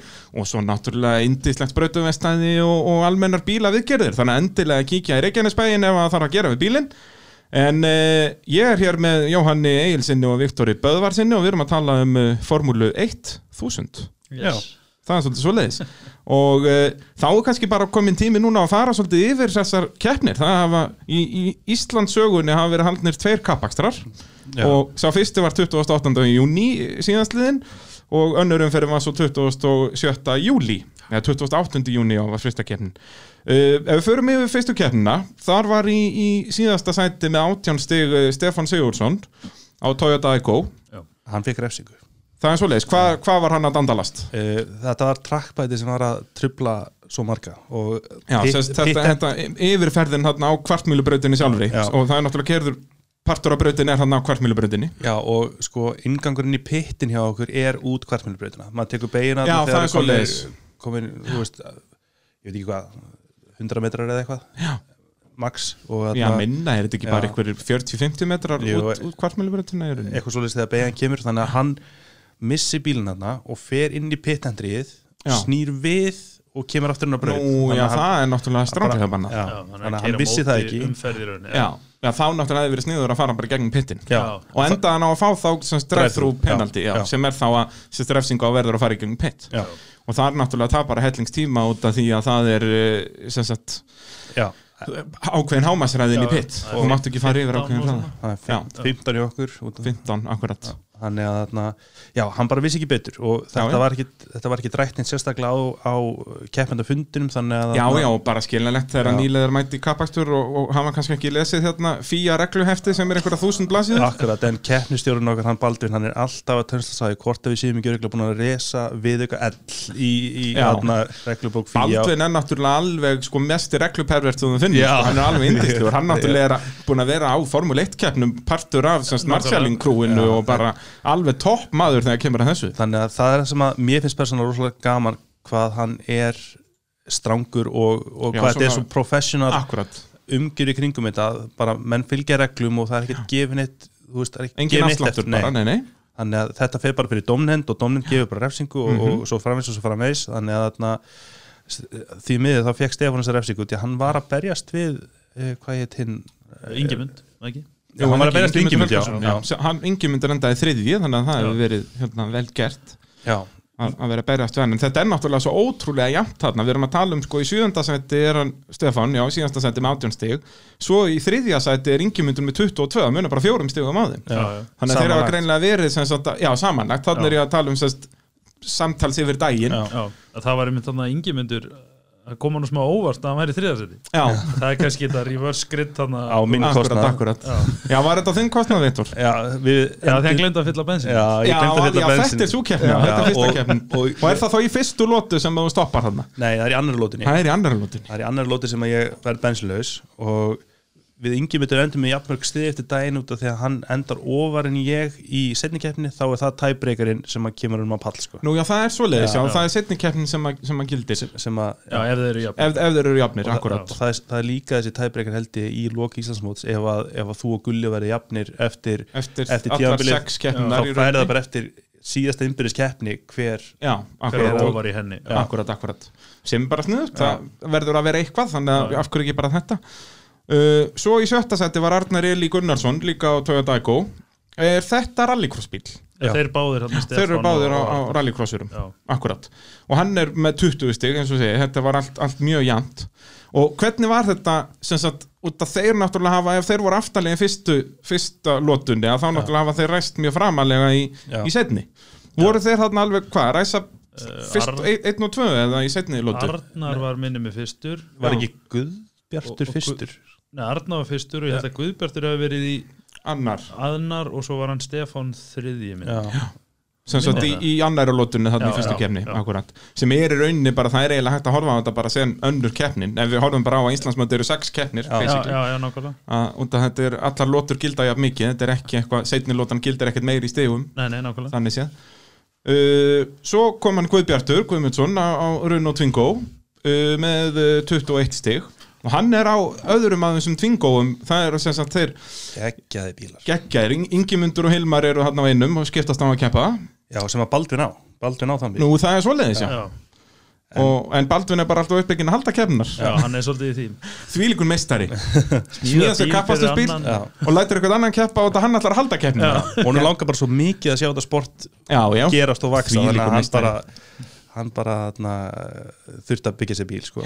og geggjaðir bílar þessi tveir þeir eru svona, þetta eru svipað, þeir eru báður hvítir eins og mismunandi litakombo og ljósum og strípum og svona og, og ég held þeir fáist bara hvítir ég er búin að vera að spotta þetta í, í Já. umferðinni Já, sko. já. ég, ég tek, við erum á lókuðu spjalli sko. ég, ég þarna ber ábyrð að tvingu en það vald þegar við sjáum það og þarna en er þetta eitthvað svona sér útgáfa af Tingo er þetta eitthvað svona eitthvað? Nei, þetta er bara Twingo, 900 okkar kúbik og aftjóladrifið og mid-engine og, hljómar rosalega mikið eins og kapastbíl það er svoleiðis? Já, þannig þeir eru aftjóladrifnir og þeir eru með miðjuvél einhvern veginn í skottinu. Aftur, í alvöru? í slagsmiðju Já, bílinn er svo stuttur að það er allar miði á honum. Sko. Vá, býtu, ég, ég held að þetta verið framtur Já. bara vennulegt En þetta hljómar eins og rosalega kapastbíl og, og þess vegna fyrir utan það að vera raun og pervertar keiptu þeir þessa bíla til að smíða sko, og, að það geggjað, ég, ég hafði ekki hugmyndu þetta. Nei, það veit þetta engin eiginlega bara ég var nema- 100% ég þorði ekki að segja neitt fyrst þá þú sagði þetta hérna fyrir 10 sekundum en ég var vissum að vera að gera grín. Og ef maður er á bílasölu.is og er að skoða þetta þá leðast endur aftjóladrifið að já, þetta lítur eitthvað vitleysa bara. Já, það er bara hugsa einhver, hérna bílasalunum skrifa þetta vittlust Já. bara En Þetta er magnað og hvað, það var þá ekki mikið skottpláns í þessu en fyrir viki getur aukumæðinu sittum mjög framalega á eitthvað eða ekki Jú, og, en það sem að hefur verið kannski að plaga þá er, er eitthvað vesen á ABS-unni þannig að þeir snúast Já, þessi bíla virðast vera með eitthvað, eitthvað spólvörd, slags skriðvörd frá helviti sko. Já, bara það er ekkert að losa við það Ja, þeim tókst nú held ég að finna eitthvað út með Er að það ekki tengja bara? bara einn ABS-skinnjara Já. en þetta var bara þannig að þú þótt að bílinn var ekki svona spóla bara þú varst með stýrið í smá beigju og þá, þá takmarkaði það powerið Já, fór hann bara Já, það bara eitthvað gerðist ekki neitt sko. Já, frábært Þetta var voða, sem er örgulega til þess að passa fólk að það snúist ekki á, afturdrifna bílum sem að amma heldur að sé bara vennilegu bíl eins og Hondan var hérna í gamla Já, en, en svo líka svo fyndið að ég og, og fleiri á iGOM og, og svona hefum verið að þrýhjóla svolítið aftjólun svolítið að, Ú, að, að lyft- klassíkin lyfta. maður. en það er ein beigja þarna með brautinni sem að, sem að tvinguðunar hafa verið að lifta framhjóli sko. Já, Þannig að þingdin aftan og Þetta er veittransferar og geggjað eitt dæmi, ekki maður. þarna veifandi uppi skyndilega var þessi tvingo bara svanlast í bílum ég nokkuð tíma að vita um Þetta er snilt En svo og, eru þeir náttúrulega búin að eiga þvílitt við þetta sko að þeir eru konu með hérna þrý skjá og, og, og takka í stýrinu og þeir eru búin að taka Já, það er bara að taka takka. alla hérna, eh, mælaborðið og allt úr Já, og og þú stýrir öllu þannig í þessu maður Þetta er bara full on capacity Já, þetta er bara þetta proper almennilega, dót sko. Það þetta, er geggjað maður Og samt er besti árangur að tvinga bara hvað, þriðasæti? Það var yngi myndur í fyrstu kefni Já, þeir kannski eittu, eittu ómiklum tíma að hanna bílinn gleymdu átt að að vera meira að- Já, eða prófa. já, að að prófa á vinsanast og þetta fyrsta tímanbili er náttúrulega rosalega mikið bara Allir að læra bara já. hvað virkar best. Og, og Tommy hann prófaði 13 tómi dekk á litlum, eða 13 felgar á litlum, litlum dekkin til þess að til þess að kanna bara hvort hann fengi bara betra drifthlutall og, Já, já, og, væri þá kvikar upp eða, eða, eða og hvað það væri. hann er búin að komast að það virkar ekki. Þannig að núna vitum við allir það að það virkar ekki Já, og, og atna, Já, þetta er náttúrulega svo mikið vísindi sko að, jú, já, ef þú ert að minni dekkjum að þá ertu vissulega betri upp en þá ertu verri á bremsónum þú veist, þetta Já, og núlast hann, alltaf hann var að lendi í því að, að dekkin, þetta var svo lítið dekk þetta var bara 100 Hjólburudekk bara. 150, Já. 155 eitthvað 45, Já. 13 þetta var eins og undan hjólburu sko. Að bara e- eftir nokkra beigðu þá var dekkin bara að byrja að ofhitna Já, og svo lítið gummi í raun í þeim og hann bara orðin sleipur og farin undirstýra Og bara já. þetta var alveg ræðilegt en, en voða röðun kannski upp Já, já, alltaf gera svona bara skiptum gíra og alltaf, frétta en, en já, svo virkar það ekkert at the end of the day uh, Á undan Guðbjarti þar kom ákveðin Viktor Böðvarsson já, sem ég sett hér í, í sko feitletrað út að ég vissi að hann var að koma hér í þáttin hann- mikill mestari Mikill mestari Þú ert herra fjórðasettið í, í Formule 1000 já, ég er fjóra seti en atna, já, ég held ég verði bara í held Hver, ég, Hvernig gekk þessi keppni? Hvar varstu í, í, fyrst, eða hvar varstu tímatökum í fyrstu umverðinni handa? Þá var ég í þriðasæti og fæði þetta heiðarlega stig út, úr, út úr þeim Og, Eh, og svo hvar er ég bara- endaru í fyrstu lótunni? bara í bara held, heldur þriða, bara Já. rock solid Og svo gekk eitthvað bröðsvöldlega að vinna svo upp Já, fyrsti ringur gekk geggja sko. ég var komin aðna í baráttu við, við aðna, hann Stefán á ægonum og komin fram, ég, þetta var svo vandrarlegt sko, ég tek fram úr honum á beinakablanum og svo bara deyr bílinn, þannig að Já, hann kemur bara já. strax aftur ég, fram ég man eftir þessu að því að ég var fyrir aftan þá. Já, akkurat, sko þetta þú varst búin að vinna Viktor- fyrstu lótuna. Já, Viktor, Stefán og svo ég. Og svo allt í hennu bara deyr bílinn hans, hann hægði þvíld á sér og Stefán er fyrir aftan og ég næði að fara fram úr báðum út af þá. Stefán, já, þannig að þetta var bara, bara vinalegur greiði hjá Viktor Svo rétti honum tíu skall Já, það ekki, bara kjöra svo vinnur, þakka þér kærlega. Og, og þú verður bensinlaus átna og raun- þú ert ringaður út að það tekur svo mikið tíma að fara inn í pitt og Já, þess að næst og... það, ég kem bara og ég segja bara ég held sér benslust, það bara Já. getur ekki hann að vera ég trúði samt mælinum, hann er bara í kleinu sko, hann að ljúga mér að ég sé bara nánast fullur og er bara heppin að, að Ingo og aðna, hann einar félagi minn hafi verið aðna bara, hvað er að, ég opna hurðuna ennþá, ennþá spenntur sko Já.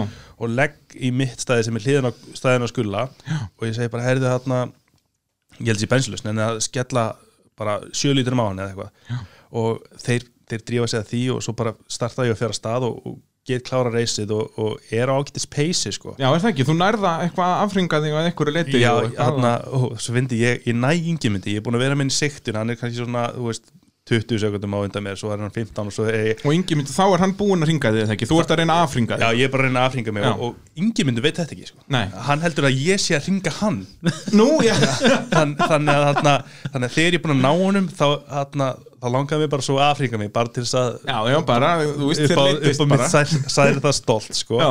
þannig að þarna, ég náði því og ég get tekið það jákvætt út úr, út úr þessum kappastir að þarna, hafi ekki eins og vita hvað ég var með ekki bensín sko. þetta er Já, þetta er náttúrulega ferlega. Það er sko hann uh, Siggjóli sem er oft minnst á hér í, í þessu podcasti, mikill meistari sem hefur hjálpað mörgum sem hafa byrjað í motorsporti að hann segir það að það þarf bara að vera einn mælir í lagi í, í motorsporttækjum og það er bensínmælir allt annað skiptir engum mælir, þú heyrir alveg á hvaða snúning þú ert þú þarft ekkert með hraðamæla að gera. Eina sem þú þarft að vita er hvort það sé bensín á bílum eða ekki. Og það er einhvern leini meðlum sem virkaði ekki í þessum uh, ágæta bíl hjá þér. Já, og ég er að gera þessu auðlamistök þetta er ekki fyrsta skipti sem ég gera auðlamistök sko. Nei, meina það, þú lærir á það- Þetta heitir bara auðlamistök og þú gerir saman mistökin aftur. Annars er þetta bara mistök. nákvæmlega. Þannig ég þólagsturinn mér fyrra þá, þá þarna, losnaði felga hjá mér á ring 50 og eitthvað. Já, og þurfti að hætta keppn út á því sko. og þá er ég að berjast um þriðasætið Jú, alveg rétt, ég man eftir þessu, Já. þú stoppar hann alveg lengst í burturinn, Já, efst í bröndinni Akkurat, og þarna, það var brútt að lausri felgúti. Ég herti þetta bara með einhverju hálf batterislösi Já, hersluvél og, og þarna, var að merkja bílinn alla nóttina þannig ég var ítla sofin og þetta, þú veist, maður gerir þessi En bílinn var mjög flottur, þannig að það er allt í læg Já, hann lúkaði rosalega vel og, og, og en, en svona aukatriði eins og felgur og annað var kannski ekki alveg En, en merkingarnar tipptopp merkingunum tipptopp, sponsorötin ánaðir Nákvæmlega, flottar myndir Já. og, svona, já, já, blessaða vertu. Uh, Svo kemur í þriðasettið Ingemyndur Helgason í, á árun og Twingo uh, Líka, já, með 22 stig eins og, eins og þú, Viktor. Hvar endaði hann? Munið það í, í fyrstu lótu? Var hann þá var í fjórði. Hann var fjórði þar? Já. Já. Og svo þriði í setnu, setni uh, Já, það lítur alveg að vera.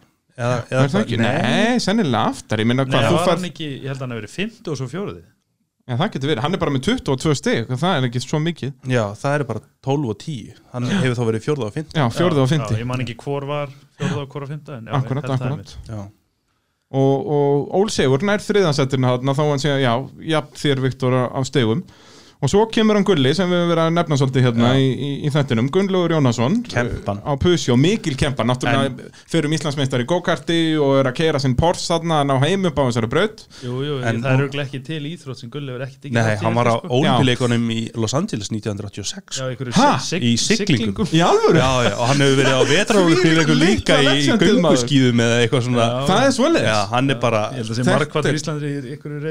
Ég held að er- þarf að Sko, það ég þurfti að bókast út ef við heilan dag Já, já, bara- bara aftur bara til hérna Los Angeles helgi- helgi, sko. ég held það. Og honum finnst ekki leiðilegt að spjalla. Þú ert Nei, með nei. appi sín og prins Pólo það er nefnilega allan daginn Já, hann er líka ekta, ég mann sko ég ætlaði einu sem að sigra heiminn í go-karti Já. árið 2014 þá sagt uh, var ég búin að selja rallybílinn og, og allt það og langaði að prófa go-kart.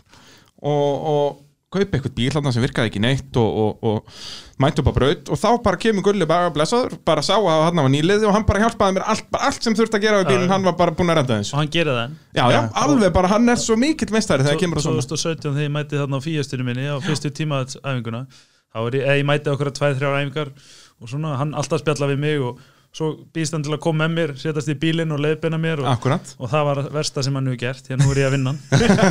Og Hann er núna svona, ég sé nú eftir þessu. Hann, hann tala við alla sem að koma nýjur á miðjögundum við erum með brautadag hann lappar upp að þetta, hann er svo mikill síniðu öðlingur. flöggin, bara hvað því að þessi flögg og ef ég er að flagga hérna svart átt að koma inn og, Akkúrat, og svo akkúrat. framvegist þannig að hann, hann hefur svo gaman að þessu og hann er svo mikið græsrótar gauður í motorsporti. Akkurat, akkurat. Þannig að na, þú þarft að fá hann í spjall. En hann heitir Já. Gulfi núna og því að bílinn hans er eins og Gulf þarna, Það er rétt, já, Já. það er hann er í og gulfer hérna litónum, alveg rétt, já. Þannig að hann er gulfi. Hann er Gulfi. Það er geggjað.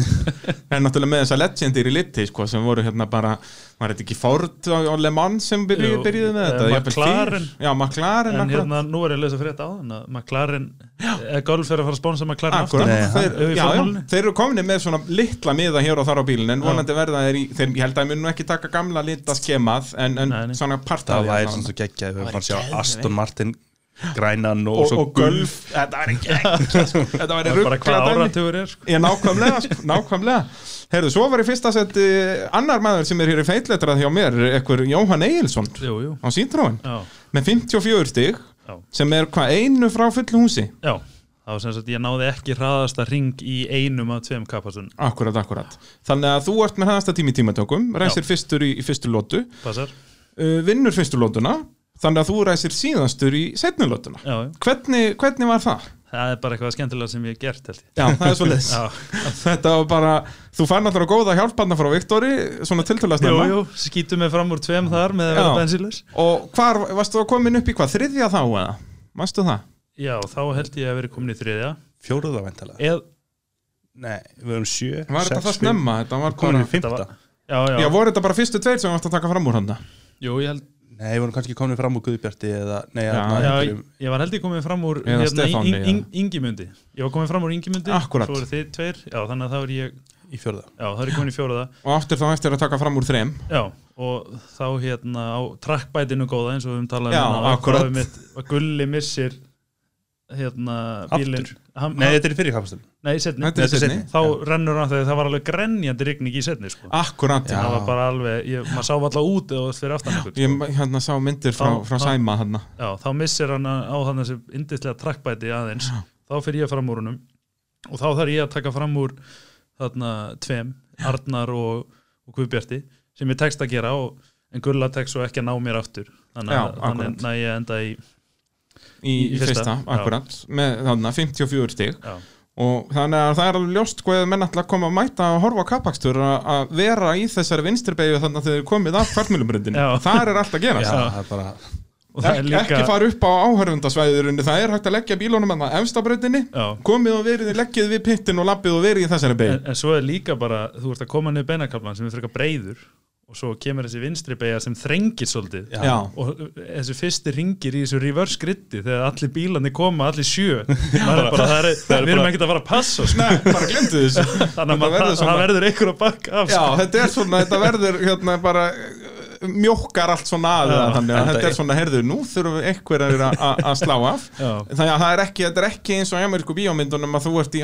halvfri gjöf alltaf og átt alltaf inni að gefa alveg í bótt og gýra niður tvisvar Já, og gýra niður tvisvar og setja upp í 14. gýr og, og allt þetta, sko en hann, það, þessari ástæði sem að Baldin held ég að sé bara með bara augu arnar á þessari beigi bara að sjá hvort að allir sé að virða Já, virða reglurnar akkurat, akkurat Þetta er bara svo mikil þetta eru líka kannski einn munur sem ég tók eftir þegar ég kefti þannig í rallycrossinu og þarna þú, þetta er náttúrulega miklu breyðari brau þannig að það er miklu fleiri staði til að taka fram úr. Já meiri, já, meiri tækifæri erfitt að taka fram úr í rallycrossinu, það er eiginlega bara jókerinn sem hefur eitthvað að segja þar með framítökur sko.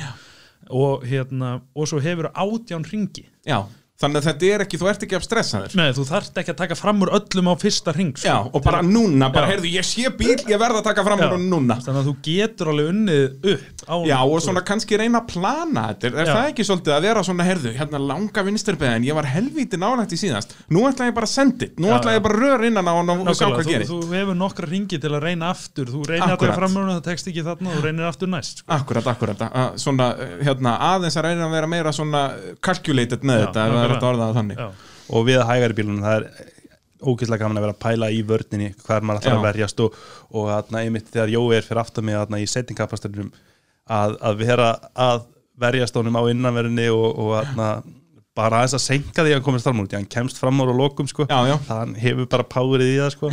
þannig að það er svo ógeðslega gaman að vera þetta er bara geggjað Ég er bara farin að yði skinninu hérna, við vorum aðeins að tala um það hérna í síðasta hliði, sko. Ég verð að mæti í þessa síðustu keppni, ég er alveg búin að sjá það fyrir mér. Það Ég ætla bara að tala við einhvern, einhvern rallycrossara sem á einhvern svona bíl Ljúa því að honum að lána mér bílinn. Segðu hann sér þetta að senda hann í bón til bónstofunar Já, ég geri það, ég, heyrðu, það þarf að bóna bílinn. Og síðan náttúrulega eins og, eins og Viktor myndist á hérna að koma að pressa á rallycrossarana sko, heyrðu, þú verður að mæta og ef hann segir nei, þá segir ég, ok, ég skal mæta á bílviðinu Já. þá held ég að þetta get ekki klikkað sko. það er eiginlega enga líkur að hann verði meira beklaður eftir þetta sko. Nei, nei, það er enga, enga líkur að því það er þarna Ég bara mynd þurfa kannski að senda hann aðeins í hjólastillingu fyrir þetta og svona kannski aðeins fara yfir það þannig og skiptum bremsoklossa og allir sáttir.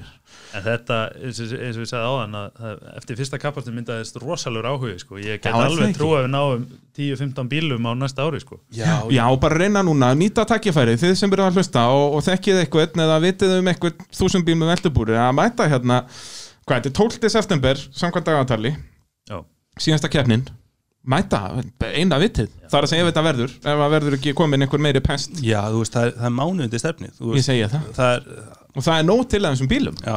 Já, já þú- maður búur að byrja svona bíl á einni helgi bara. Ég segja það, Væ- væri hægt að Þið ringið Jóa og hann búr Já, er það svo leiðis, Setur smá pressa á hann. væri hægt að að ringi þig? Já, ég er nú svona búin að lofa ykkur um að búra í Já. vet- vetur. Í vetur, en, en bara núna fyrir, fyrir næstu keppni, væri hægt að ringi þig, hvað myndur rukka fyrir eitt veldubúr? Ef, ef það þarf að vera fyrir næstu keppni þá er ég að setja svolítið há, háan verð Já, já, hvað erum við að tala um? Nokkri monster aukalega, þá getur þið vakað. Já, nákvæmlega, getur Nei, þetta nei, ég verið og félag mér hefur taka að smíða búra, það er svona 200 skall. Já, akkurat. Það Það er svona fyrir eftir hvað menn vilja mikið að auka stífum og dóti. Já, akkurat, akkurat. Uh, Algjörsnild, uh, við skulum halda áfram að tala um og tala þá um sem sagt keppnina núna síðast, önnur umferð Íslandsmótsins. Tölum um hana hérna eftir örstu hlið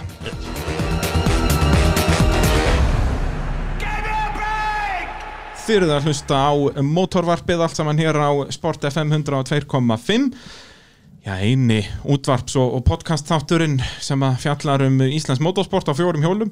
Er, er, er eitthvað eitthva podcast eða, eða útvarpsættur um, um motorsport á tveimur hjólum, vitið þið það? Hef ekki heyrt það, en akkur segir ekki besta Besta, já, besta og, já, það er endar, já, það er betra heldur en bara að segja eina. Já. Það er rétt, þetta er langt besta podcastið. Og útvastáttur að sannsögðu líka fyrir, fyrir þau ykkur sem er að hlusta á þessum indislega miðvikudegi. Uh, Yðinvelar að sjálfsögðu að styrkja okkur eins og það hafa gert í, í, í eh, allt ár. Og þar eru sömur tilbúin ennþá að gildi, þau gilda út ágúst. Og þar er allt milli jarðar. Það eru auðtóp stenhói bílaliftur þannig að þið getur bara hendi eina bílaliftu bara á 900.000, boom uh, betabox, verkværaskápur bandsægir, steipurhæri vélar og allur pakkin, það er bara ef það eitthvað vantar eitthvað verkværi, þá skottist upp yðinvélar, þetta getur ekki klinkað og náttúrulega kíkja á þessi sumatilbúð og fá þetta já. það annað verið fáralegt uh, Við töluðum um fyrstu umferðina í kappakstri sem er líka bara fyrsti kappakstur Íslandsjóðunar sem var hérna 28. júni Það er þetta reitt, ég var, ég var eins og skammaði fyrir að kalla þetta kappastu sko, því raun er, er allt motorsport kappakstur Já, það er svo sem sko. rétt sko, rallycross er Já, kappakstur líka það vantar eitthvað gott íslenskt orð sem lýsir þessu Malbyggs kappastri Mal- já. sem við erum að keira, ég veit Æ, ekki ég veit það ekki, þú veist, ég myndi bara hólfa þetta sem kappakstur og rallycross er rallycross og rally er rally og, og, Jú, jú, en, en ég skil hvað það menar það, voru, þetta, það voru einhverju sem voru ekki sáttið með þetta Já, þetta, þetta sport sem við erum í náttúrulega er náttúrulega grundvallars mótorsporti í rauninni. Þetta, þarna já, byrja já, þetta og, og, undan, motorsport byrjaði á nákvæmlega þessu. Já, og undan þessu voru þetta hestreiðar og, og undan þessu var þetta marathon bara eða, eða bara Já, svona, þetta var svona sko, samtímis í motorsportsögunni voru kappakstrar og, og sem sagt róturalli Já. og í rauninni byrjaði þetta var þetta alltaf kalla fyrst róturalli sem var samt líka kappakstur og svo í rauninni fer þetta tvistrast yfir í annars vegar ralli og hins vegar kappakstur en, en þetta er elsta gerð kappaksturs og það er kappakstur það er það yngsta á Íslandi? Já, það, sem er, þetta er svo að þetta er bara þegar fólk hugsaður um motorsport, þá hugsaður það um Formule 1 eða að kappakstur já, já, já. Og það hefur aldrei verið á Íslandi sem er alveg stór furðulegt og þetta er líka kannski það auð, auðveldast til þess að skilja út af því að hver er fyrstur, hann vinnur Já. þetta er ekki eitthvað aðna, einhver, einhver stigagjöf og dómarar og, og, Já. og, og eða bílar að keira einir út í einhverju hraunni og, og þú Já, þetta já. farin á neti til að vita hvernig staðan er og allt þetta akkurat, og eins, og, eins flott og driftið er þá er, ekki bara það, það er bara flóknar en algebra að vera dómar í driftið því Já, að já. þetta er bara svona fyrir mér sem er bara algjör áhuga með um drift veit ekki rosalega mikið bara hver gerir flottast þú veist því svolítið Já, já. þannig að það, það er svona kannski þessi tveir pólar á, á motorsport í Íslandi er kannski driftið sem er bara ókvæslega töff og, og, og Já, svo og er kappastu sem er bara ótrúlega basic í, í grunninn sko, Já, já. en, en með þetta komplex aðna, Mér erst alltaf driftið vera líka smá svona það er svona, minnir mann frekar á þetta BMX íþróttir og svoleiði sko. Já, kappastunni er kannski eins og hérna 200 metra hlaupið eða eitthvað svoleiðis. Hann, hann, hann yngimutur, hann kallar þetta svona bara hana, dans. Hann kallar Já, þetta já, bara svona já, já. Þetta er, Já, þetta, bara er bara, list. þetta er list í Já. raun út að þannig er ekki, það er engin konkrét evidence, það er ekkert sem að segir, heyrðu, þessi var þetta er allt bara domgæsla í Já, rauninni já, já. það er allavega, torfarinn hefur allavega það að það er hérna, þú fórst allavega og fegst 350 stig, Já, já. það fórst upp brekkuna Já, já. en svo er þetta að tólka hvernig þú snertir stikurnar og allt þetta sko. Mm. en, en jú, jú, en kappaksturinn er svona eins hrátt og það verður það er svolítið svoleiðis og, og ef við förum núna yfir aðra umferðina sem var 27. júli síðastliðin bara fyrir, já, nokkrum vikum síðan þar var í síðasta sæti, já, í rauninni Guðbjartur Guðmundsson út að hann bara mætti ekki, hann var skráður en, en hann kefti ekki. forfallaðist uh, síðan kom Hilmar Jakobsen á, á uh, Run og Twingo sett sami bíl og Ingemyndur hafði kæft á í fyrstu keppninni. Já. Þeir eru báðir í Crazy Racing. Crazy Racing, þeir komið mitt í podcastu til mín hérna, var það ekki fyrra eitthvað tíman, ég held það. Já, já, sem var nú aðalega já. mikið verið að kera bara í beinalínu Já, þeir hafa svolítið að vinna með það að keri beinanlínu og svo bara einhvern veginn, þegar brautin stækkað og byrjaði hringakstur þá bara, heyrðu, eigum við ekki að keppi já. þeir eru alveg, þeir eru svo líja glað Já, það er svolítið svo leiðis og hvernig var Hilmar að standa sig? Þetta lítur nú ekki vel út, hann er með 8 stig Hann- sem er legsti stigafjöldi í, í sögu kappakstus á Íslandi. Þar komum við held ég inn á þetta að þú eru þurfur að klára 75% af, af ringjónum til þess Já, að þetta telja er ekki þannig bara, það er ekki nóg fyrir það bara að ræsa út af því að hann lendi í hérna, keppnisatviki, það er ekki íslensk Já. orðið við racing incident Wow. Þarna, eh, við, nú mann ekki nafnið á honum, hann komur alveg Var það Magnús? Já, Magnús Magnús Þe, Vatnar þeim lendi saman í, í einni beginu þarna, þannig að þannig að það skektist hvað spilna eða eitthvað svoleiðis Það í var tingunum alltaf eitthvað hjólskakkur Já. einu meina fram þannig að hann Já, trýtaði bara hann- í pitt og, og, og, og DNF aðeins bara Það er svo leiðis. Já, Var þetta í fyrstu lótu? Þetta var í annar lóti Þetta var í annar lótu. Svo var var í- líka Hilmar sko, hann náttúrulega kemur hann ég held að hann hafi keirt total nýju ringi á brautinu Já, já. hann, hann, hann er náttúrulega helviti góðum æfingakstur spíl sko Gold GT sem hann kaupir af mér í fyrra gamla- sko. Já, já. að- hann, jú, Já, hann, hann tók nýju ringi í þólagsturinn og var ekki búin að jú, hann tók einhverja æfinga líka en hann, Jú, eitthvað mjög já, takmarka. það er það að tellja þetta á, á fingrum og tám sko, hvað Já. hann er að gera mikið en, en, en hann, hann á heiðu skili fyrir að mæta sko. Akkurat, sko bara mæta, þú lærir ekkert um að mæta. Nei, nákvæmlega Það er nákvæmlega svo leiðis. Uh, svo í, uh, já, fymta seti, og þetta í rauninni síðasta seti þannig var sjötta, uh, kemur Magnús Vatnar Skjaldason, Já. sem hefur verið að standa sig ágætlega í, í rallycrossinu, Já. í þúsund fangum þar, mætir á rallycrossbílum, Toyota Igo. held að hann sé með þess að bara efstur til Íslandsmeistara núna ég, það ég var helviti ánæði með hann sko. Já. Það, þetta er náttúrulega eina vitið, þú átt svona bíla, Já. Mæta út af hvað, ég meira keppnisköldinni í þetta er ekki há, Já. Nei, nei, 13.000 og hann og með þess að ef þú átti neginn tímatökukup þá færðu 3.000 Þrjú, já, þá er þetta bara afslátt. Já, 10.000 nákvæmlega. En ég var bara ánægð með hvernig hann keiriði sko. hann keiriði grimt, hann keiriði aggressíft og hann, ég var svolítið í reysið við hann uh, til þess að byrja með Já.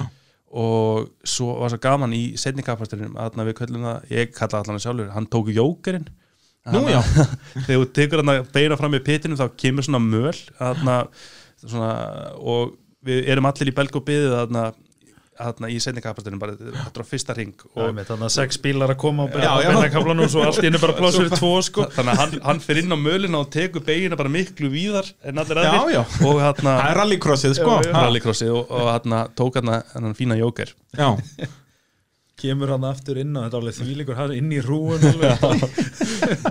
það var alveg aksjón í þessu sko já, það er eina vitið Já. Og, og En þetta er í þess að annæru lótunni sem hann, hann veist að næst í þetta Jú, Já, ég held að hann hafi fikið refsingu fyrir þetta fyrir unsafe entry atna, og þess Já. vegna er hann neðalega full hættulega inn á brautina hann aftur já.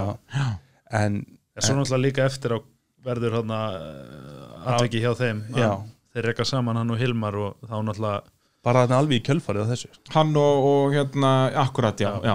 Og, já, það er bara í En, beginni en tjónaðist Magnús eitthvað við það eða? mm, Nei, bara eitthvað Bara svona já, bara, já, bara hérna stuðar Já, var ekki bóknar spytnur eða Nei. ónýta vaskassi eða eitthvað Nei, nei. Þannig að hann endar hérna 50, svo herra fjórðasettið Viktor Böðarsson Já. Hva, Hvernig gekk þessi keppni á þér? Hvar varst í tímatökum? Eh, fjórði Fjórði, Já. í þínu sæti Já. Og í, í fyrstu lótu? fjórði Fjórði Og í uh, annari lótu? ég er nokkuð sem ég er hörði Jú, það er svolítið svoleiðis Hvað hérna, voru þeir bara einfallega hraðan en þú? Já. Þannig Tómas, Gunnlaugur og, og Jóhann sko ég, atna, ég með mína kenningar eins og allir, allir atna, Kappastusmenn, Já. akkurat, akkurat uh, ég tók bara eftir því sérstaklega því ég var að keppa við hann Magnús á nákvæmleginsbíl að hann var bara svona að síga frá mér á beinuköflunum Já, bara eitthvað afleysi hjá þér já, og hérna bæði það ég skiptum gírkassa fyrir keppni og kúplingu og driflutullun eru bara einhvern veginn allt öðruvísi Já, það er Já. er þessi bílar komaðir með mismunandi hlutföllum? Það er eitthvað, sko. það er eitthvað smá munur að milli þeirra milli árgerða Já, já. en En- þarna já, þetta er eitthvað svona aðeins en mjög lítill samt sko. Já, ég held bara ég sé með eitthvað galla tannhjólið eitthvað því að þarna, þegar ég fer fyrsti gýrin alveg eins og annar gýrin alveg eins ég er að mattsa bara bremsubúndana mína og útsattubúndana úr gamla kassanum og þegar ég fer í þriðja þá sé ég mættur í þriðja hálfan. Já, það er bara buð þá fer hann bara úr aflinu og, og þarna, Bara í röklið. Já, og þarna, ég er eitthvað að rannsaka þetta að, þarna, hvað þú getur verið að græja þetta í vetur? já, eða bara bara fyrir fyrir, síðustu- keppni sko. Gengur ekki að vera alltaf bara hæra á fjórðasendi? Nei, en, en svo er bara einhvern veginn ég held að sé bara einhver munur á því að vera á, á sko gömlum rallycrossbíl Já. sem að er búin að gera 150 km og, og hver Og, og, síðan í rallycross. Já, þarna 150 á mæli en örgulega í alveg já, það er búið að skipta um mæla bara þegar ég sagði eitthvað. Og, það er að gera það í fjórðaskiptju því með bilaðan Já, veðsumæli en þarna en svo er þeir bara þessi sem voru í fyrstu þarna Jói, Gulli og, og Tommi þeir eru bara með þvílitt mikið að sætistíma á þessari braut þannig, og þeir vitu upp á ár hvernig þeir að keira þessa braut og hvernig á að kera kapastur þannig að þarna, ég er alveg sáttum í fjórðarsæti þannig sé sko En þú veist eins og bara þetta, bílinn er mikið kerður og svona, þú veist, væri þá ekki sniðut bara taka upp vélnirunni, bara setja sem sagt, skiptum þessa helstu slítluti inn í vélni ég er, ég er bara á því held ég að, að smíðum bara nýjan bíl í, í veitur Það er svoleiðis? Já, ég er með langar að segja Volkswagen sko. Já, þú Þetta ert er svona Volkswagen algjör pervert. veiki sko. Þetta er bara, þetta er eins og Ford bara, hjá Fordurum Það er bara, þú verður að vera Volkswagen. Já, er, já, já, ég bara kaupi bílinn að þér. Já, hann er ekki seldur, bara? er Staðfest, ding, ding, ding, ding, ding. Nú ertu komið með bíl fyrir síðustu keppnina Já, er það, er, ég ætlar að smíða nýja núna eða, má ég, geti kert Sko, hana þið núna eða? Ég á ekki sens í fyrsta setið.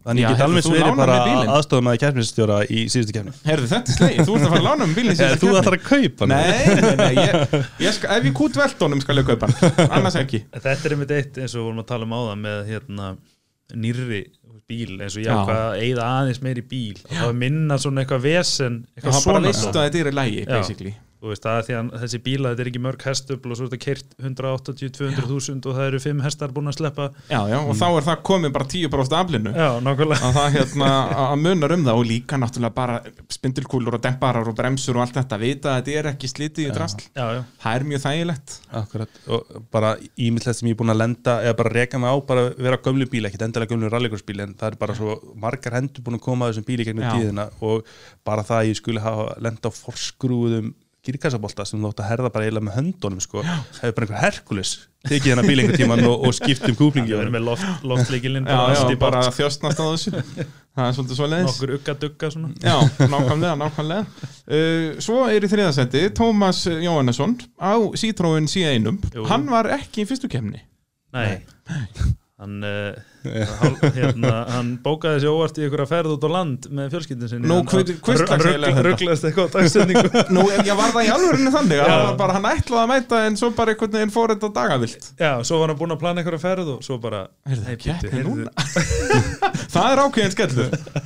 En hva, Tómas hefur nú verið að keira þessa braut uh, mikið og margótt en það ekki? Já, þólagsismeistari í fyrra og, og atna, var í öðru og þriðasetti hinn um tveim kjöfnum Já, Já, og- hann bara er, er mjög reynslu mikill Já. já, og, og mikill svona pælari og, og pælari línum og, og Já. er mikið svona svona datapervert líka og Já. er að skora svo mikið hvað hann er að, Hvað hann er að hvernig hann er að standa hvað sig er og, að breyta og, og- þannig bætum maður sig bara og, og hann er mitt, þegar vorum í tímatinu var að keppa á svona Opel Speedster Já, svona eins, og, eins og Lotus nema með Opel-merki og það kostar hann helmingi minna.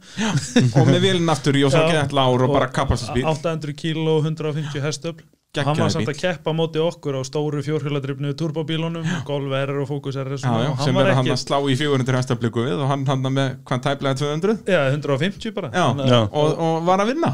Já, og bara var einmitt mjög jafn okkur stundum að vinna þú veist það, það var líka alveg geggja reys ég man eftir eins og þólektunum í fyrra að sjá af því að hann rústaði ykkur öllum beigjónum, Já, já. svo fóru þið allir fram úr á beinuköpunum, svo var þetta hann endalist þetta var bara svona eins og British Touring car þú veist in the 80s, já, bara já, Minion og Mustangin. Og Mustangin og allt þetta sko, að hérna algjör snild, en hann endar hérna þriðji með 34 stig, þarna var svona stigafjöldin aðeins breykkar út í rauninni, þarna er þess að Gunnlaugur í öðru sæti með 36 svo kemur Tómas með 34, svo 24 hjá Viktori og 20 hjá Magnúsi já, þannig að, en Tómas, er, þetta er alveg eins bíl og þú ert á, Jón, eða ekki? Jú, og, og af hverju er hann þriðji, af hverju er hann ekki ofar?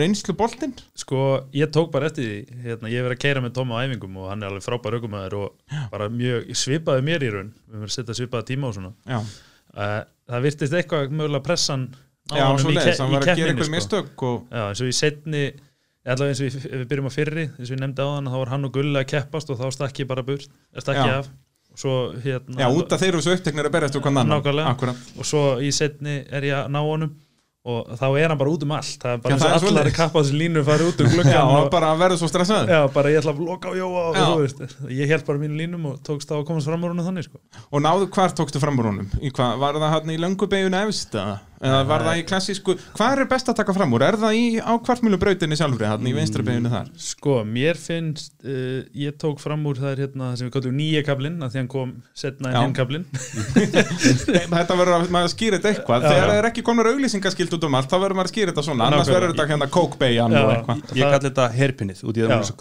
alveg toppnum á nýja kablanum er hérna ég, ég er búin að búa til einhverja spes hérna formúla þúsund línu Já, það sem ég fer ekki ekki utalega sem er algjörlega Já. rámt með hvað vexturslínur eiga að vera sko. En það verðist virka á þessum litlu kraft litlu Já. bílum sko, að halda hraðanum í hennum svona, þetta er bara svona motocross línan basically, að taka hérna utan á þannig að ég næ honum þar einmitt og hann fer innri línna, reyna að blokka með Og þá fer ég bara utanum Já, hann og lísnir á kemur það fram úr honum á beinakaflanum svo. Þetta er nefnilega erfið beigja til þess að vera á innanverðinni úti þegar þú getur ekki tekið neitt hraða með þér í gegnum hann á innanverðinni. Nei, og, og þá ertu hérna bara að hægja á þér að óþörfu í rauninni. Já, og ég var búin að vera eftir Magnúsi ef við tölum um að þá var ég búin að vera eftir Magnúsi já, í tvo ringi eða eitthvað og var svona farin að stúdira hvað ég ætlaði að taka fram úr honum. Og mér varst best að gera það ég, í brjóstunum. Nó, Þarna, það, eru, það er komplexið að beigja bara efst uppi það sem að kraftmilubritin endar. Hún er, svo, hún er svo breið þar og maður getur einhvern veginn tekið nokkra línur þarna í gegn. Já. þannig að ég valdi þann stað í, í þann framrækstur en það eru þetta er Það- alveg margi staðir ma, En ég tók mér þess að fram úr þér held ég á sama stað og ég tók fram á Tóma, var það ekki?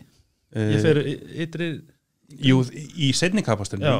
þá Já. vorum við fjórir hérna saman rétt já, já, og hérna þá kemstu fram úr mér í rauninni eftir þá beig, Já, já, á já. beinakalunum þar á Já. eftir Já, já, bara nærða að fara hraðar út úr beigunu og nýta þér þar á já, beinakafla. Já. og það, er- þetta er minn kabli sko. Þetta er þinn kafli, sko. þannig að þarna, já, það, það eru svo margir staðir og það er svo gaman úti því að þá þarf maður virkilega að vera að pæla í einmitt sókninni og vörninni á svo mörgum á stöðum mörgu, já, þetta er ekki eins og er á mörgum kaplastusbrautum að þetta er alltaf bara svona sumi tveir staðir sem einhver gæti tekið fram úr og þá bara lokar á hann og máli stend eitt. Þá Já. þarf alltaf að vera að, í speklónum og vinsennast og þá náttúrulega stressaði ennþá meir upp Já, og þá já, kannski fer að keira hægar eða gera mistök. Já, já, það er Og- svolítið og það er, það er þarna, það sem við verðum að sjá líka í á Já, það sem, það að, er- sem að Tommy hefur líka verið að taka þátt í og, og fleiri. Og fleiri. Að, að, þegar við sjáum það svo ef menn eru svo jafnir þarna fremst og ef þeir lendi í baróttu þá getur yfirleitt fyrsta seti eins og annað og þriða seti er að berjast þá getur fyrsta seti bara einhvern veginn stungið af og þú þarft virkilega að vera að, taka verri dínu til þess að verja sætið þitt. Já, já, og maður sér það líka mjög íkt í hermikampasturinum hvernig menn gera mistök um leið og að kemur pressa Já. þá snýst einhver Já. bara, Já, já. alveg, bara undantekninga laust líku við sko. Já. þetta er alveg, alveg magna en, en hermikapasturinn er svo rosalega góður finnst mér. Nú er þú er bæði fyrir náttúrulega búin að vera mjög duglugur að keppa í hermikapasturi Já, og þetta heldur manni bara einhvern veginn heitum. Maður er ekki riðgæður eftir, eftir veturinn maður kemur inn í vorið og, og tekur maður stundu kannski bara tvæð þeirra æfingar til þess að komast í rithma aftur.